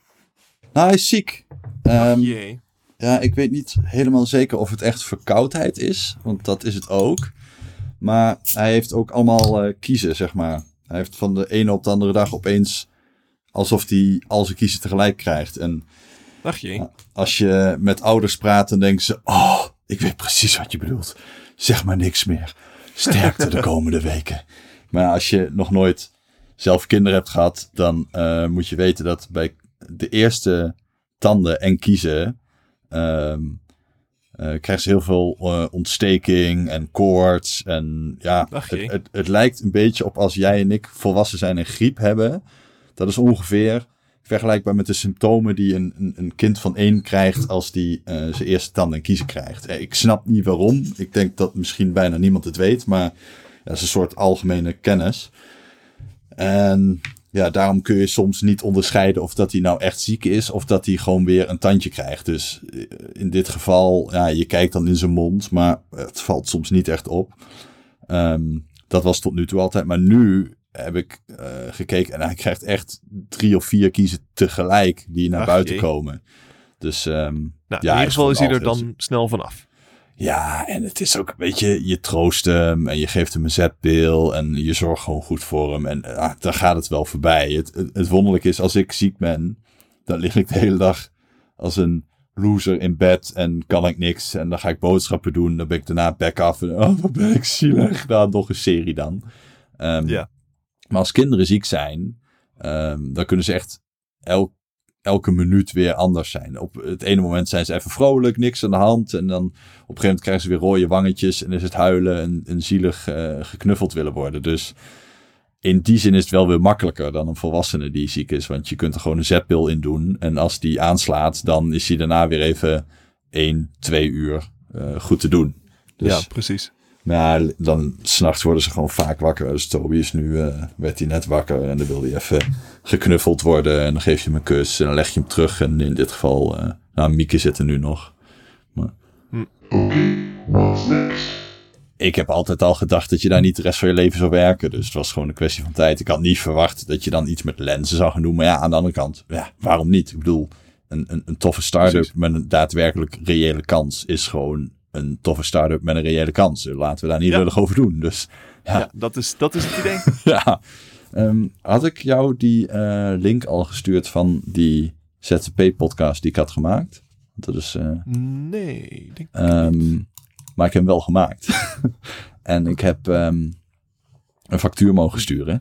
Dus ik heb er een boel van geleerd. Maar Wat- ehm, wat was deze podcast? ja, ik heb net op eh, Telegram gezet. Het was eh, de politie heeft dus de persgroep gevraagd of ze binnen Tweakers een advertorial mochten doen. En dat ging over eh, werken bij de politie. Dus het, het, het min of meer het doel van die campagne is dat er meer mensen bij de politie willen komen werken.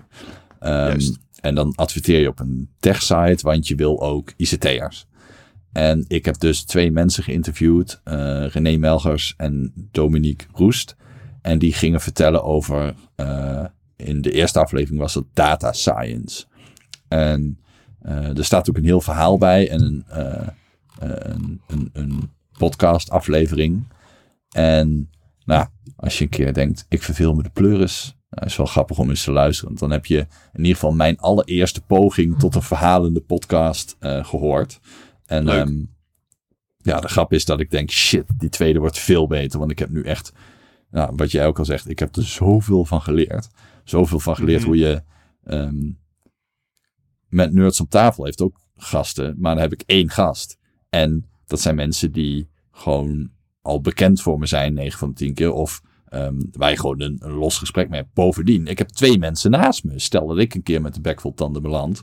Dan kunnen zij altijd nog vragen stellen. En dan, en dan ga- komt het altijd wel goed. Maar nu was het ik tegen twee mensen die ik nog nooit had ontmoet.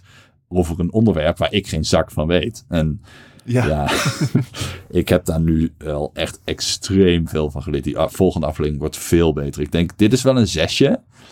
Eh, maar er komt straks een aflevering 2, dat wordt gewoon een acht. Ik blaas die shit uit water. Gewoon voor mijn eigen lol. En ja, ik, ik, ik vind het al... Dus als je deze nou luistert en je denkt in je achterhoofd... Oké, hier is Randall niet extreem trots op.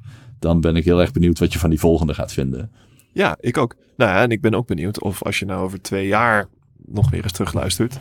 Of dan wat nu een zesje is, dan opeens een, eh, een drie is. Omdat je gewoon een nieuwe definitie van een tien geschreven hebt. Ja, nou, dus dan maak je het wel heel erg hypothetisch. Ja, ik, ik, ik, de, heb je, je hebt vast wel eens gehoord van, eh, ach, hoe heet dat effect nou? Dunning-Kruger effect? Mm, Eh, Ja, het het effect dat je niet weet wat je niet weet en Ja. daardoor jezelf onderschat als je, oh, sorry, overschat als je net begint en onderschat als je al een heel eind onderweg bent. ja, precies. Dus eh, het, zou, het zou kunnen dat wij podcast-wise nog in het eh, beginnersfase zitten. Wat in ieder geval wat eh, betreft verhalende podcast. Oh ja, nee, ik bedoel, Serial heeft een, een nieuwe categorie aangebroken. En vervolgens zijn met name partijen als Gimlet ermee aan de haal gegaan. En daar is nu, die lat ligt nu zo absurd hoog. In ieder geval in de VS. In Nederland, hmm, er is, eh, heb je de podcast Bob ooit geluisterd? Nee, Oh, die is zo goed. Die is eh, van de Dit is degene die de, de prijs won Ja. van BNR. Klopt. Ja. Ja. goed opgelet. Netjes. Ehm, maar het, ja, het is een extreem goede podcast. Maar hij is van de VPRO. Dus weet je, dan zakt mijn, mijn hoogachting weer een beetje. Dat ik denk, ja, daar zit gewoon een serieus budget en productiehuis achter. Weet je, En een de- radiomaker die al weet wat het is eh, zonder meer een absurd goede podcast. Maar dat die dan van een publieke omroep komt, denk ik, ja, hallo, die kunnen wel mensen, eh, drie man, een jaar aan het werk houden, ja. Eh, moet je Weet ik niet of, dat, of ze dat kunnen, maar kijk, daar Tuurlijk is de publieke omroep dan ook voor. Ze hadden een begrotingstekort van 60 miljoen. Echt waar? 60 miljoen is, is hun inschattingsfout. Zeg maar. Oeps. Ja, dus eh, dan kun je een beetje in je achterhoofd nagaan hoeveel geld daar rondgaat. Drie man aan het werk houden voor een jaar? Ja, dat kan je wel voor een miljoentje, Ja. ja. Denk je dat jij ooit podcast zou maken in het niet-Nederland? Mm, Specifiek het Engels dus dan? eh, ik zou dat super graag willen. Eigenlijk liever nog. Eh, maar mijn Engels is niet op niveau. Nou, dat valt wel mee. Ja, maar als ik het nu eh out of the blue opeens moet spreken, dan, dan, dan lukt het me niet. Ik heb dan echt eh, ja, zeker wel een dag nodig om, om een beetje eruit te halen wat erin zit. En ja, dat klinkt misschien heel stom om te zeggen. eh, zeker voor iemand als jij, die er al jaren woont. Maar ik denk, mijn luisteren Engels, dat is echt wel, nou, dat is, dat is echt gewoon op niveau. bedoel, ik kan Mhm. alles verstaan, ik snap alles. Alleen ehm, praten is gewoon een heel ander ding. Het is alsof het uit mijn andere hersenhelft komt. Zeg maar, de ene hersenhelft die kan luisteren en eh, dat maakt niet uit wat, hoe snel het, ik kan het allemaal volgen. Net zo goed alsof het Nederlands was. Maar als ik het dan opeens moet praten, dan is het net alsof er een soort van eh, kind van, van tien aan het woord komt. En die heeft gewoon weer even moeite om erin Ja, te maar wat komen. je zegt, dat is ook een beetje opwarmen. Weet je wat je eens moet doen? Je komt gewoon gezellig hier een keer een weekje of twee logeren. En dan neem je je microfoon mee. En eh, dan haal ik een paar hele interessante mensen voor jou eh, uit mijn netwerk. Waar jij dan mee kan gaan praten over wherever, whatever. Ik vind het een mooie uitdaging. over wil kletsen. Nou ja, en wat, Leven in Silicon Valley. En wat je Het, zegt, eh, het voordeel is, zeker in Silicon Valley, mensen accepteren ook wel. En er lopen genoeg buitenlanders rond. Ze- Ja. En Ja. ehm, als ik eenmaal op dreef ben, kan ik me op zijn minst redden in een gesprek. Dus het is ook niet zo dat ik zeg, ik, ik, ik val rigoureus door de man. Maar ik irriteer me gewoon dusdanig. Eh, je, hebt gewoon echt tijd nodig om het goed te leren spreken. Terwijl je het luisteren 100% meester bent. En ah, man, eh, oh. En dan zit je daar op een gegeven moment aan het eind van de avond met kramp in je tong en koppijn. En denk je, mm. Ja, moet je gewoon een paar keer hebben gedaan. Ik, eh, ik noem dat soms mijn, mijn, mijn IQ-filter. Ik heb dat heel erg in het, eh, in het Duits en nog veel erger in het Frans. Ehm, want als ik, ehm, stel dat ik Duits praat met iemand. eh, ik kan redelijk vloeiend Duits, maar ik klink ongeveer 10 IQ-punten dommer dan ik ben. Ja. Dat ik gewoon niet uit mijn woorden kom. Ja. Misschien nog wel meer dan 10 IQ-punten. Laten we er 30 IQ-punten van maken. Dat dit gewoon als je zoiets hebt van, oh ja, dit is een functionerende, volwassen persoon die niet heel veel, niet heel erg snapt wat hij nou wil zeggen. Dan En met dat 30 is- IQ-punten minder zit je ongeveer op 60, toch? Eh, ja, precies. Ehm, maar het is meer van, ja, er, zit, er, er zitten dan zoveel gedachten in je hoofd die je er gewoon niet uitkrijgt. Verdorie. Ja, inderdaad. In, het, in het Frans is mijn, eh, mijn IQ-filter zo'n 80 of zoiets. Maar het is het tempo, hè. Ik heb dat wel eens omschreven als ehm, mijn grootste oneerlijke voordeel dat ik heb tijdens het podcasten, is dat ik een zin in kan zetten en nog niet kan weten hoe die gaat eindigen. Maar mijn brein is altijd snel genoeg om dat dan tot een goed einde te brengen. Ik doe het nu, as we speak, op dit moment. Ik Ja, heb natuurlijk. Twee bier op en ik, Ja, ik denk dat de meeste mensen doen dat in de meeste gesprekken. Tuurlijk. En nee, nee, ik ben al lang niet de enige. Dat doen heel veel mensen. Sure. Maar ik kan er ook op vertrouwen. Weet je? Heel veel mensen, als die microfoon onder een snuffert krijgen, slaan ze dicht. Andere mensen ehm, gaan een beetje op hun eh, tellen letten. Eh, bij mij maakt het niet zoveel verschil. En je kunt niet ontkennen dat je altijd net iets anders bent. Hè? Als er een microfoon staat en die neemt op, dan ga je net iets anders praten. Maar ik kom wel uit mijn woorden. Nou, en dat oneerlijke voordeel heb ik gewoon niet op het moment dat dit in het Engels moet. En Nog niet, maar een beetje oefening baart wel kunst. het is wel zo dat in eh, de VS, als jij een niche podcast kan maken die zeg maar 1% van de doelgroep treft, kun je nog steeds eh, een paar honderdduizend man eh, als luisteraar rekenen. En in Ja, het is Nederland wel is, re- 1% gewoon bijna niks. Het, het, het is ook. ehm, soms is een niche waarvan je denkt, nou, wie luistert daarnaar? eh, wordt dan enorm groot. Heb je gehoord van My Favorite Murder? Eh, wel gehoord, die heb ik niet geluisterd. Nou, dat zijn twee dames in Los Angeles. Die gaan aan tafel zitten. En eh, brengen dan iedere episode een, ieder een eigen verhaal mee van over het algemeen een seriemoordenaar. En die vertellen ze dan aan elkaar van de- wat die seriemoordenaar gedaan heeft. En die, die gruwelen daar dan samen over. Ik hoop dat ze na een half seizoen Ja. klaar zijn, want het is echt verschrikkelijk dat ze daar zo lang over uit kunnen wijden. het, ik geloof dat ze inmiddels zo'n 300 episodes opgenomen hebben. Jezus Christus. Ja. En eh, ze, ze zijn woest populair. Het is niet te geloven. Eh, ze hebben het ook bijna de helft van de podcast niet over die seriemoordenaars. Ze, zitten gewoon te babbelen aan tafel. Ze hebben het over hun yoga-klassen en, en weet ik wat allemaal. En eh, ze eh, lezen brieven voor van, van mensen die luisteren, die ze insturen. En ze hebben het over hun huisdieren en weet ik wat allemaal. Het gaat over van alles en nog wat. En dan de helft van de podcast gaat over eh seriemoordenaars. En er zit zo'n enorme fanscharen aan. Dat zij reizen de hele wereld over en trekken daar volle zalen, maar grote zalen. En hun thuisbasis is Los Angeles. Uh, afgelopen Halloween, Alex's verjaardag, heb ik haar een kaartje gekocht voor een live show van deze twee dames. En die uh, hadden een uitverkocht Microsoft Theater in Los Angeles. Ja. Weet je hoe groot het Microsoft Theater in Los Angeles is? Um, hmm, nee, maar ik stel me een stadion voor. 7000 mensen. Nou, dat is geen stadion, maar wel echt mensen veel. Die in Los Angeles alleen komen luisteren naar een live opname van een podcast. Mhm. Dat is gewoon, gewoon twee mensen op een podium die praten over. Ja. Er komen 7000 mensen naar luisteren. Maar dat vind ik ook zo tof, want eh, waar ik heel erg ehm, enthousiast van ben, met podcast in het bijzonder, is eh, mensen vragen heel vaak, wat is een podcast? Ja, kun je niet zeggen, het is gewoon audio on demand. En audio kan alles zijn. Dus er is niet één Sure. antwoord op wat is een podcast. Het kan echt miljard dingen zijn.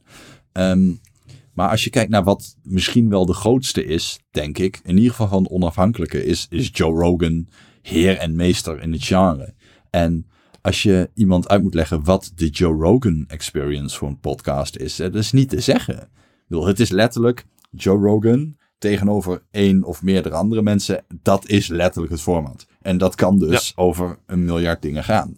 Maar wat ontzettend mooi is daaraan, dat ehm, ik heb eh, eh, ehm, net een aflevering af, die was vier uur, meer dan vier uur. Dat was met eh Brad Weinstein. Het bijzondere is, ze zijn geen van beiden ooit naar de wc geweest. Dat vind ik echt knap. Als je vier uur in een podcast zit en je moet niet naar de wc. Ik weet niet hoe je het doet, man. Maar in ieder geval, ehm, die longform podcast staat mij heel erg, eh, eh, gaat me heel erg aan het hart. Omdat in heel veel ehm, mainstream media tegenwoordig is het zo dat je echt punten moet scoren binnen x minuten. En dat er reclame tussendoor komt. Dus je hebt steeds onderbrekingen. En je hebt maximaal x uur te vullen. En juist in zo'n podcast heb je van al die dingen geen last. Weet je? Je hebt je pre-roll gehad. Dat is bij Joe Rogan soms 8, 9, 10, soms 12 minuten reclame. Prima, ben je doorheen. Maar dan is het ook achter de rug. En dan heb je gewoon vier uur, dus gewoon een luisterboek lang, ehm, een goed gesprek tussen twee geïnformeerde mensen. En dat format bestaat nergens. Heel erg nergens. de- de- je, hebt, je krijgt heel erg de kans om een onderwerp uit te pakken. En eh, clickbait is in feite geen ding Nee, in de exact. podcastwereld. ja. En zelfs waar... Dat is echt een groot verschil. En, en het is ook ehm, het is bijzonder, omdat er is niet zo heel vaak dat je in onze huidige maatschappij nog iemand eventjes een half uur zelfs eh, de aandacht kan, kan krijgen van, eh, van één persoon in één stuk. Maar ja, als iemand in de auto zit, hebben ze weinig anders te doen. En dan moet ik ook echt wel met het schaamrood op de kaken bekennen dat ik daar heel erg onder val. Want ik ben ehm, echt zo iemand die tijdens het tv kijken ook gewoon nog zijn mobiele telefoon in de handen heeft. En dat vind ik ontzettend irritant. Het ergste wat ik ooit heb meegemaakt, eh, en dat heb ik helaas elke dag, is dat ik dan met mijn eigen kind in de arm sta en toch de verleiding voel om die telefoon te pakken. Nou, ik mediteer veel, dus ik heb die impuls door. Ehm, en toch doe ik het af en toe hoor. Dan staat de tv aan, zit hij even te kijken. En dan ben ik toch met mijn telefoon bezig. En dan denk ik echt, godsamme man. Ik had zo met, me, met mezelf afgesproken dat ik die vader zou zijn. Die nooit met de mobiel in de hand achter die kinderwagen te vinden zou eh, zijn. En ja, Omdat je aanwezig wil zijn. het is zo sterk. Het is zo sterk. Die, die eh, ja, hoe moet ik het noemen? Die, die impuls om juist ehm, van de hak op de tak te willen gaan. Gewoon kort. eh, ehm, de, de aandachtspannen is er gewoon niet meer. Ja. Ik, ik- Nou, heb je, nou hebben we het gehad over het feit dat jij dus geen eh, programmeur bent. En, en ondanks het feit dat je een computertype bent. ehm, heb jij ooit wat programmeurs noemen het in de zone zijn regelmatig gevoeld? Ik denk mm, dat het misschien met het mediteren een beetje overkomt. Maar in je werk bijvoorbeeld, heb jij ooit momenten dat je zoiets hebt van... Ah, ik, ik keek op en opeens waren er drie uur weg.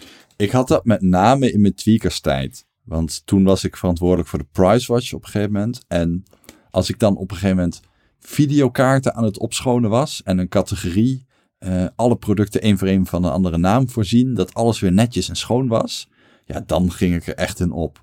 Maar het huidige werk wat ik doe, niet. Eh, zeg maar, die, die flow state bereik ik eigenlijk bijna nooit. Omdat er gewoon bijna dagelijks, uh, nee, of eigenlijk continu wel onderbrekingen zijn, interrupties. Er wordt gebeld of ik heb Mhm. een mail en ik ga van de hak op de tak. Maar dat is wel een soort paradox, want ik zie dat niet per se als een probleem.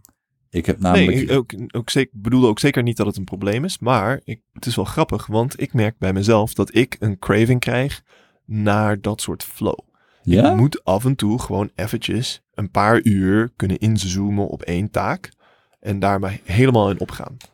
En eh, dan kan die taak best uit 1700 tussentaken bestaan. Maar mijn vriendin vindt het bijvoorbeeld heel irritant dat ik tijdens de werkdag niet vaak op mijn telefoon kijk. Want ik zit dan in die flow, ik zit te programmeren of ik zit een moeilijk probleem uit te puzzelen of ik zit een, een design te schrijven of iets dergelijks. En heeft zij zoiets van, godverdomme, ik wil gewoon weten wat we gaan eten vanavond Ja, tekst eens eventjes terug. Maar ik heb niet eens gezien dat dat berichtje daar staat. maar dat vind ik wel mooi. En dan, maar dan op een andere moment op de dag, ehm, als we bijvoorbeeld staan te koken of iets dergelijks, dat vind ik een saaie eh, gebeurtenis, dan eh, sta ik dus inderdaad met de telefoon in handen, als, als staat mijn vriendin daar. ik krijg daar weer voor op je donder. Ja, maar dat is, eh, ja, het, het is grappig inderdaad hoe sterk die pool kan zijn op het moment dat je hersenen niet met iets anders bezig zijn. Maar het kan wel, we kunnen dat ding wel laten liggen op het moment dat er na- namelijk bijvoorbeeld, weet ik wat, als jij in de bioscoop zit of iets dergelijks, dan heb je ook niet de drang om die telefoon tevoorschijn te trekken. Hoop ik. Nou, ligt er een beetje aan naar welke film ik zit te kijken. Maar ehm, hoe is dat voor jou als je die, eh, die drang voelt en je hebt je telefoon gepakt? 9 van de 10 keer merk ik bij mezelf, ik pak dat ding en denk ik, oké, ik heb net iets getweet, ik ga even kijken of de reacties zijn. Nou ja, goed, daar kun je sneu vinden en dat is het misschien ook, maar dan heb je Maar in ieder geval... een beetje die ja, dopamine hit. je hebt in je hoofd, ik ga even kijken of ik ehm, reacties heb op mijn tweet. En dan pak je dat ding open en dan stond er net nog Telegram open waar je in gesprek was. En heeft iemand iets gezegd. Oké, je typt even iets terug. Oké, dan ga je naar je homescreen en nu naar Twitter. Oh, huh? Ik zit opeens in eh, Instagram. En ik heb vijf foto's gezien. Ik heb de telefoon weer gesloten en in mijn broekzak gedaan. En dan denk ik, huh? Ik heb helemaal niet gedaan waar ik hem voor uit mijn broekzak haalde. en dan pak je hem nog een keer en dan doe je dat. En dan denk je, wat? What the fuck, brein? you had one job. Wat, waar ben ik mee bezig? Oh, dat is grappig. Dat, dat heb ik heel soms, maar zeker niet vaak. Ik heb dat echt dagelijks een paar keer per dag. Maar ik denk ook dat, nou goed, ik, ik heb de statistieken voor pick-up count niet aanstaan. eh, maar eh, zou ik eigenlijk wel eens moeten doen. Want ik zou wel eens willen weten hoe dat vergelijkt met die van jou. Nou, ik Want heb... het klinkt eh, alsof jij, omdat je van nature al heel erg interrupt-driven bent, dat jij vaker dit ja, soort ervaringen ook kan hebben. ik heb eh, toen met Nerds om tafel het hierover had, eh, met een aantal mensen dus vergeleken. En toen zat ik best wel in de eh, middenmoot tot laag. Dus ik, ik ben absoluut niet zo verziekt als sommige andere mensen. ja, maar je vergel- vergeleek het dan ook met Joost Schellevis. Inderdaad. Maar aan de andere kant, ehm, ik vind het wel een soort probleem dat je niet doelgericht kan zijn. Want ik heb op een gegeven moment gekeken in mijn statistiek van wat is nou het, de boosdoener. En dat was voor mij Reddit. Dus ik had de Reddit-app erop staan. En daarop zat ik de hele tijd te kijken naar plaatjes. En als ik een plaatje zag dat ik leuk vond, had ik de impuls om dat te willen delen. Dus ik zie een leuke meme of een, een, een grappige anekdote en die duw ik op deel. En die zet ik in een Telegram-chat. Iemand anders ziet dat. Alleen 9 van de 10 keer. Of ze hebben het zelf al gezien, of het boeit hen niet. Dus het slaat altijd een beetje dood. En toen dacht ik weet je wat? Ik ga mezelf redden van de ondergang. En ik haal Reddit van mijn telefoon af. En een week later kijk je naar de sti- statistieken. ehm, exact hetzelfde gebruik. Alleen al die tijd die nu eh, in Reddit zat, gaat naar Instagram, gaat naar Twitter, gaat naar Slack, gaat naar andere plekken. Dus Oh, interessant. ja, ik ben mezelf er heel bewust van geworden dat ik ga die telefoon toch wel pakken. Ik heb blijkbaar in mijn brein af en toe, eh, zeg, vijf minuten per uur eh, als slot waarin ik gewoon even afgeleid wil zijn, waarin ik gewoon eventjes getriggerd wil worden door de buitenwereld. En op een of andere manier, welke apps ik ook wel of niet op de telefoon zet, die tijd die ik eraan besteed blijft ongeveer hetzelfde. Het verschilt Dus dan niet is veel. misschien de vraag, welke apps wil je Exact. in die tijd je Ja. tijd aan besteden? Ja. dan kan je dus denken van, nou, misschien dat jij eh, Duolingo erop wil zetten en eh, je Frans op wil poetsen. Bij wijze van spreken, ja. Maar ik merk dus bijvoorbeeld als ik Instagram open, dat ik eh, psychologisch gezien wil ik even vermaakt worden. Alleen dan ga je drie foto's verder en dan zegt hij, je bent helemaal bij. Op zich, toffe feature hè, dat ze bij Instagram Precies. notabene onderdeel van Facebook, wat echt de grootste assholerij op de wereld is. Maar juist bij Instagram zich bewust van zijn, oké, we kunnen mensen nu ook een beetje proberen te temperen en een beetje proberen deze app te laten gebruiken waar die voor is en ehm, niet alleen maar op die dopamine af te gaan. Ehm, dan sluit ik die app omdat ze zeggen ik ben helemaal bij. En dan ben ik me pijnlijk bewust op dat moment, die paar seconden van, nou shit, nu zit ik op mijn homescreen en ik wil even vermaakt worden. Ja, kut, wat nu? Dus het is eigenlijk verkeerd dat ik me de hele dag door mijn telefoon laat sturen. Maar op het moment dat ik het mezelf onmogelijk maak, zit ik af en toe achter mijn bureau met die telefoon in de hand en dan weet ik niet wat ik moet doen. Ja, En dat is een soort puzzel waar ik nog niet helemaal uit ben. Dus is het Ja. dan echt wel zo kwalijk? Nou, voor mij, ik, ik verlies een hele hoop tijd met het lezen van artikelen. Ik heb eigenlijk altijd op mijn telefoon nog zeven artikelen openstaan die ik nog wil lezen. En dan bedoel je nieuws of Nieuws en, en blogposts en, en dat soort dingen. Ja. ben je zo'n completionist? Eh, completionist. Die, dat eh, ik eh, alles helemaal moet lezen? Ja. Nee, niet noodzakelijk. Ik sluit wel eens een artikel. Maar ik denk dat ik over het algemeen een redelijk goede smaak heb in de artikelen die ik open. En ik heb dus vaak gewoon iets dat heel interessant is om te lezen. Ehm, of misschien ben ik niet heel kritisch. Kan ook nog. Hmm. Ehm, maar het is meer dat ik open zoveel artikelen en ik ben geïnteresseerd in zoveel verschillende onderwerpen dat er, ik zou de hele dag op het internet kunnen zitten lezen. Hmm. En eh, ik heb ook wel eens dagen gehad dat mijn werk saai was, dat dat ook gewoon gebeurde.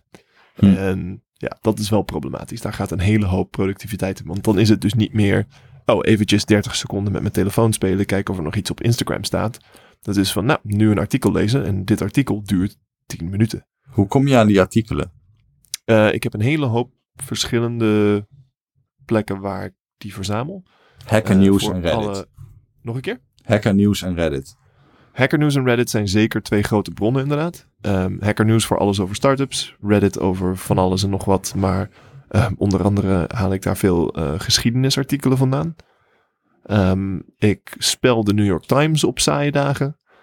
Dan nog even de Volkskrant. En eh, als ik, eh, eh, als ik natuurlijk mijn technieuws haal ik bij Tweakers. haal ik dat vandaan. En als ik me dan nog verveel, dan zijn er natuurlijk nog 80.000 verschillende technologie-websites in het, in het Engels.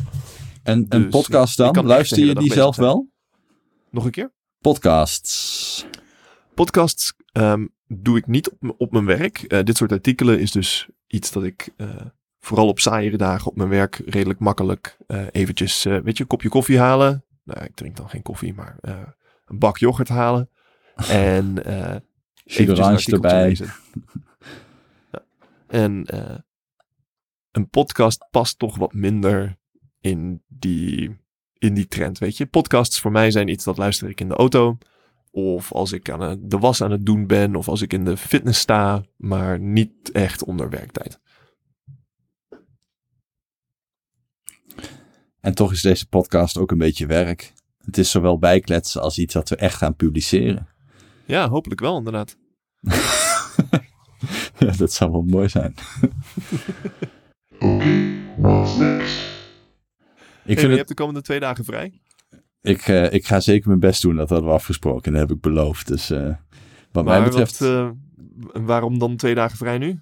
Nou, dat is eigenlijk best wel gek gelopen. Ik had op een gegeven moment een eh, mail gekregen van, ja, dat heet dan HR, maar in ons geval is dat eh, eh, gewoon Suzanne. Ja, Dus, en eh, die zei met zoveel woorden, je hebt nog tien dagen vrij dit jaar. En ik dacht, oh, dat is meer dan ik dacht. Want vorig jaar was alles op, want toen had ik een kind gekregen. Toen had ik Ja. twee weken vrijgenomen en die waren toen weer ingetrokken. Toen heb ik zitten werken vlak dat, nadat mijn kind werd geboren. Godduizend. Nou goed, oké. Dat, ik bedoel, dat was semi, ja, maar- semi eh, mijn eigen keuze. Want ik had me er veel harder tegen kunnen verzetten als ik wilde. Ehm, en toen heb ik eh, dit jaar eigenlijk twee weken vakantie gehad. En dat was het wel zo'n beetje. Dus de rest was een paar losse dagen. Nou, in Nederland heb je 25 dagen vrij. In de VS volgens mij max 10 of zo. Mhm. Ehm, en die 25 dagen waren dus voor twee weken op. één week eh, aan losse dingetjes. En dan had nog 10 dagen. En ik dacht, ja, maar het is al november. Dus eh, ik, ik kan wel dagen meenemen. Maar ja, goed, aan de andere kant. Het is ook wel lekker dat ik gewoon nog wat vrij neem. Want af en toe denk ik, joh, ik, eh, ik zit eh, tot, tot hier in het werk. En god, eh, ehm, ik zou wel eens wat meer rust willen hebben. Nou, dus ik heb gewoon een beetje met een dartpijltje op mijn agenda lopen schieten. En ik dacht, ja, deze week heeft Mieke een cursus. Dus dan moet ze drie dagen laat thuis zijn. Omdat ze dan tot laat die cursus heeft. En dan moet ik Toby dus ophalen. Nou, weet je wat? Ik neem gewoon die drie dagen vrij. Boeien. Lekker. Ja. Ja. Ehm, en toen was ik dinsdag eh, op mijn werk druk bezig. En ik keek in de agenda en ik dacht op een gegeven moment... Oh, oh my god, ik heb de komende drie, drie dagen vrij. Dat had ik helemaal niet door. Dat was echt zo van, oh, eh, een soort afterthought. Zo van, in mijn hoofd had ik die hele week al aan mijn, aan mijn voeten liggen. Ah, toen was dinsdag ook nog eens een hele gekke dag. Ik had 's ochtends ehm, best wel wat meetings die ik zelf niet had gepland. Ehm, smiddags eh, had ik eh, een telefoongesprek met de gast die bij met Nerds om tafel zou zitten. Dat was Ancilla van der Leest. Ken je die? Ja. Ja. Ja, ik, heb, ik heb de episode gehoord nu. Dat kan niet, want die komt pas Oh, zondag wacht uit. Eh, nee, wacht. De laatste die jij kan hebben gehoord met een vrouw was Lisa. Lisa van de Lonkhuizen, Ja, van klopt. de NRC. Maar waar ken ik haar dan van? Ancilla heette eerst Ancilla Tilia. Toen was ze playmate in de Playboy. Zij Eh, was de oprichter van de Piratenpartij. of Ook ja, ja, ja, ze was ook lijsttrekker van de Piratenpartij. Daar, daar kun je Yes. daarvan kennen, ja. Ja, Eh, daar, daar ken ik haar van. inderdaad. Over nou. het algemeen ga ik ervan uit dat ik Nerds alleen maar ken via met Nerds om tafel. nou, moet je nagaan. Nou, in ieder geval, oké, dus eh, daar had ik gesprek mee. En toen zei ik van, nou, dan gaan we eerst even wat eten daar. En dan zien we elkaar in de studio, bla bla. En toen werd Toby dus ziek. Dus moest ik hals over kop naar huis. Hem ophalen van het kinderdagverblijf. Voeren naar bed. Kwam Mieke thuis. Ik snel terug naar de studio. En nou, toen tref, eh, troffen we elkaar. En dat was eigenlijk een uur nadat ik doorkreeg dat ik vrij had. Dus ik had echt zo'n dag van, oké, de week ligt aan mijn voeten. Ehm, ik heb dit en dit om te doen. En eh, ik kreeg meetings. Ik moest iets doen buiten mijn werk om. Toen moest ik naar huis. En nu ben ik vrij. Dat was echt ja, een soort van. Ik heb wel boom. gekeken oh, van. hey, vakantie. Ja, ik heb wel gekeken. Maar kan dit redelijkerwijs? Ja, het kon wel. Maar het is meer dat. Ja, het is een soort van hele gekke brainfuck om mee te maken. Dat je in je hoofd. Je, je, je rijdt naar je werk in de mindset. Ik heb de week aan mijn voeten. Rustig aan. En je komt thuis. En je hebt je kind opgehaald omdat hij ziek is. En je bent opeens vrij. Ehm, Ja. ja. en wat ik heel bizar vond. En dat is een gek fenomeen. Dat heb ik wel vaker. Dat ik loop af en toe zo op mijn tenen. Dat ik denk. Ja shit. Ik heb 40 uur werk. Ik heb mijn kind. Ik heb mijn gezin. Ik heb mijn podcast. En ik heb nog meer podcasts die ik wil doen. En ik moet al die ZZP shit uitzoeken. En ik wil eigenlijk ook gamen. Dus ik heb Red Dead Redemption gekocht. Maar ik kom er maar niet aan toe. En ondertussen ben ik een dag vrij. En dan weet ik echt niet wat ik met mezelf aan moet.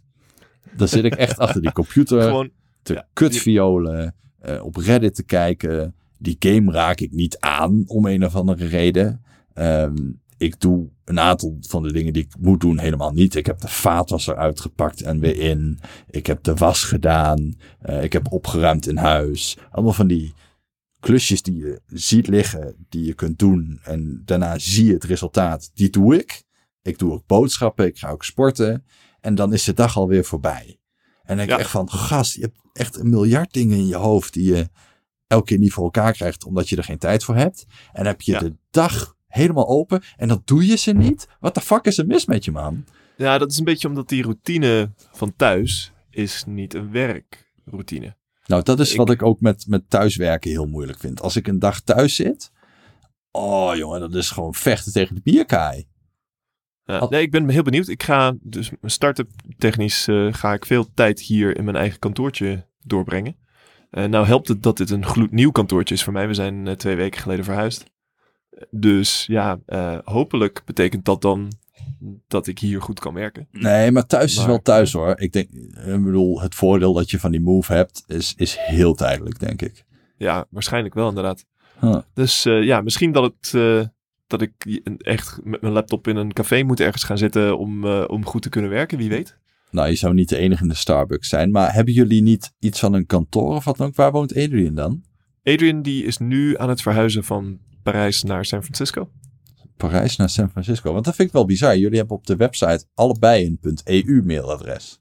Klopt. Dus ja, dat bent is gewoon omdat dat, eh, dat domein bestond al. Omdat Traces is begonnen als een Frans bedrijf. Is nog steeds op papier een Frans bedrijf. Wordt een Amerikaans bedrijf, maar de domein dat we Ja, hebben is zo dichtbij een .eu. wereld waarin je toch weer in de EU had geleefd. Ja, nou ja, weet je, als, eh, als Alex niet in de picture was, dan was dat denk ik, was dit het moment geweest. Dan was ik nu verkast naar Parijs. Ja. Eh, maar, ehm, of, of misschien naar Amsterdam, want daar zit onze eerste klant. Eh, maar ehm, het feit is dat ik een vriendin heb en die is Amerikaans. En we hebben net een nieuw huis hier in San Francisco. En ja, daar denken wij voorlopig wel even te wonen. Mhm.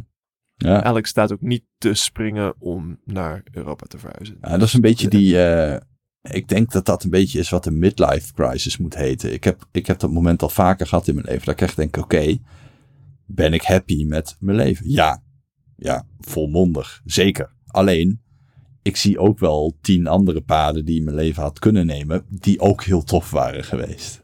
Wat, wat voor soort paden heb je recentelijk langs zien komen die je had kunnen kiezen? Ja, een kind. Hallo, dat is nogal een ding. Ja.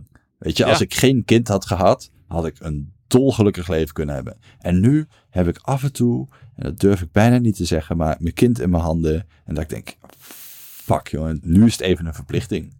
Ja, dat klinkt Ja. heel, heel, heel lullig. Dat is Ja, bijna taboe om te zeggen. Maar ik heb gewoon dagen dat ik denk, ja, nu moet het. Ik had er vandaag even geen zin in. Ik had vandaag even tot tien uur uit willen slapen. En dan gewoon eh, naar de sportschool willen gaan, eh, boodschappen willen doen, op de bank neerploffen en Netflix willen kijken. Ja. En ja, dat kan Ja. gewoon niet. En dan denk je, is het het waard? Sure. En heb je ervoor gekozen? Sure. En eh, word je niet gelukkig van je kind? Absoluut. Maar weet je, als je kijkt naar jezelf en het klinkt bijna egoïstisch, maar ja, dan, dan, dan zijn er gewoon dagen tussen dat ik er echt geen zin heb. Is de minderheid. De meeste dagen vind ik het heel leuk. Uh, maar dat is een heel, heel goed voorbeeld van iets waar je zonder het eigenlijk te willen af en toe in je gedachten afdwaalt van ja, wat als? Weet je wel, hoe had mijn leven er dan uitgezien? En dan heb ik Ja. ook vrienden die geen kinderen hebben en die snappen gewoon niet hoe het is. Die hebben het er af en toe over hoe druk ze zijn en ondertussen hebben ze X, Y, Z aan hobby's wel gedaan. Ik, oh, Ja. flikker, jij moest eens weten. Ehm, ja. en dan hoop je gewoon dat er binnenkort een bericht ergens op Facebook staat dat diegene zwanger zijn. Want dan ga ik gewoon gniffelen van binnen. En ook dat is niet echt iets om trots op te zijn. Nou, dat heb je nu wel een beetje wel. Ja. Maar ik, ja, nee, het is wel een van die overwegingen. Daarom dat ik nu een start-up doe. Omdat, eh, wie weet dat er over twee jaar eh, kids rondlopen. Dan is het een stuk moeilijker om zoiets te beginnen. Zou je met die start-up, als het even kon, ook schat hemeltje rijk willen worden? Of is dat echt bijzaak? Eerlijk. Ehm, het zou leuk zijn. Ehm, ik, heb, ik heb voor mijzelf twee financiële doelen in het leven. Twee financiële finishlijnen. Eh finishlijn nummer één is als ik ooit het voor elkaar krijg om eh 4 miljoen dollar op de bank te zetten. Dan betekent dat dat ik voor de rest van mijn leven niet meer hoef te werken. Ja, Eh, denk ik ook. Dan eh, alleen al gewoon van, van de inkomsten die je aandelen gemiddeld van jaar tot jaar hebben, ehm, blijft dat eh, de inflatie bij en verdien je daar per jaar voldoende eh, aan inkomsten uit. Gewoon ja, rentenieren. Nee, dat is een logische grens. Da- daar ligt het bedrag waarvanaf je zeker weten de rest van je leven uit kunt zingen. Gegarandeerd. Dus, ik- en, en ik, ik zou moeten zeggen, ik had drie doelen. Eh, doel nummer één was voldoende geld op de bank dat ik eh, twee jaar niet hoef te werken. En dat punt heb ik bereikt en daardoor kan ik nu een start-up beginnen. En dat was het doel ook. Dat het doel was om fi- financieel niet afhankelijk te zijn van nu acuut een baan hebben. Mhm. En eh, Maar dat is niet hetzelfde als fuck you money. Nee, nee, ja, nee. Een beetje hoe je het kijkt. Kijk, als ik nou een kutbaan had en eh, ik had zoiets van ik wil dit niet meer, dan is het fuck you money in de zin, zin van ik zeg fuck you en ik hoef twee jaar lang Ja, eh, me geen je- zorgen te maken. Je zegt fuck you en je hebt money, maar het is niet... ehm, Precies. Je wordt er geen arrogante asshole van. Je vindt die baan nog steeds wel de moeite waard. En eh, ik denk dat, ja, er is dus een punt waarop je voldoende geld hebt dat je nooit meer hoeft te werken. En dan is er een, een, een, een laatste punt. En dat is, dit is zoveel geld dat ik me niet kan verzinnen wat ik in godesnaam echt realistisch zou willen kunnen kopen. Dat ik hier niet mee kan kopen. En ik denk, als ik het een beetje optel, dat dat nummer zo ergens rond de 30 miljoen zit voor mij. Als je wel 30 miljoen op de bank hebt, dan heb je gewoon op ieder continent twee mooie huizen. En een boot. En een paar eh, auto's. En weet ik wat allemaal. En ja, nee, kijk, je koopt niet ieder jaar de nieuwe Lamborghini.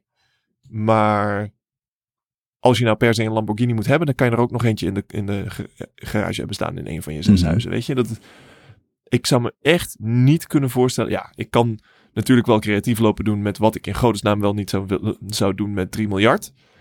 Maar ik denk als ik ooit bij de 30 miljoen zou komen, hoef ik nooit. Dat dan boeit het me ook niet of je me 100 miljoen biedt. Dat is ja. Ja. Ja, Dus ehm, of ik nou schathemeltje rijk kan worden van deze start-up.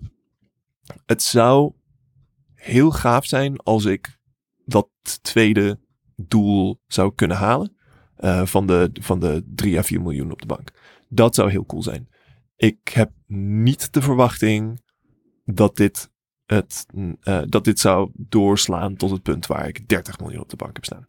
Het Nee, zou kunnen. Kijk, als, als het echt super goed gaat, die marktplaats waar we het over hadden, eh, die zou per jaar 300 miljoen omzet kunnen hebben. Mhm. En ja, dan is mijn aandeel in het bedrijf is zeker 30 miljoen waard. Ja, oké, maar dan kun je... Maar Dat, dat is een beetje de denkfout die heel veel mensen maken van ik heb nu 30 miljoen. Nee, je hebt aandelen ter waarde van. Die moet je ook nog zien te slijten. En dat is een beetje die exit die je op een gegeven moment eh, voor Nou ja, ogen hebt. En ja, en, en, Dat en- zou je dan wel zelfs moeten daarvoor doen, nog, ik heb geen aandelen die op dit moment 30 miljoen waard zijn. nee, ik heb aandelen maar die niks je, waard zijn. je moet dan ook je kindje van de hand doen. En als het puntje Dat bij paaltje komt. Ja. heeft niet iedereen daar de maag voor. Nee, dat klopt.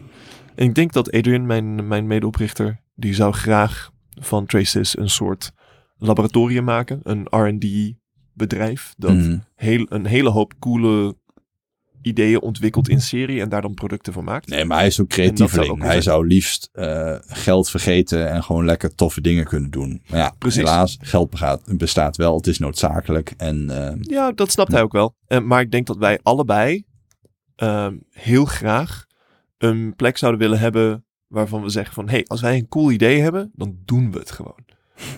en ja, dat, dat, dat vind ik wel. Dat, dat, dat is voor mij een groter doel dan schat hemeltje rijk zijn. Want het, eigenlijk de enige reden dat ik schat hemeltje rijk zou willen zijn... is om dat te kunnen doen. exact. Dat als ik zeg van, weet je, ik heb een coole, coole idee voor een productiviteitsapp. Ja. Die bouw ik. ik. Ik verzamel een team bij elkaar, die bouw ik. Maar het En is wel leuk om investeerders te zoeken. Ja. ehm, iets te moeten bouwen dat andere mensen ook leuk vinden. Ik bedoel, dat is met zo'n podcast ook. Je gaat, toch je gaat toch kijken hoeveel mensen luisteren. ja, ja. Tuurlijk. Waarom zou je dat niet doen? Ik bedoel, Ja. je kunt wel zeggen, we bellen even en we kletsen bij. Maar ja, je hoeft het niet op te nemen. Maar nu neem je het wel op. Je brengt het wel uit als een podcast. Ja, als dan vijf mensen luisteren. En dat is eh, allebei onze vriendinnen. En misschien één of twee van onze ouders. En that's Nou, it. mijn vriendin gaat Ja, niet luisteren, weet die spreekt geen Nederlands. Dan gaat dat eh recorden snel genoeg afgelopen zijn. ja, misschien wel. Hm. Nou, ik, ik waardeer het ook wel als excuus om gewoon af en toe even uitgebreid te bellen. Dat, eh, dat zeker. Ja. Ik denk dat we de volgende gewoon moeten gaan plannen. En eh, die voor nu Yes. af moeten gaan ronden. Goed plan. Ik ga op de stopknop drukken. Yes, insgelijks.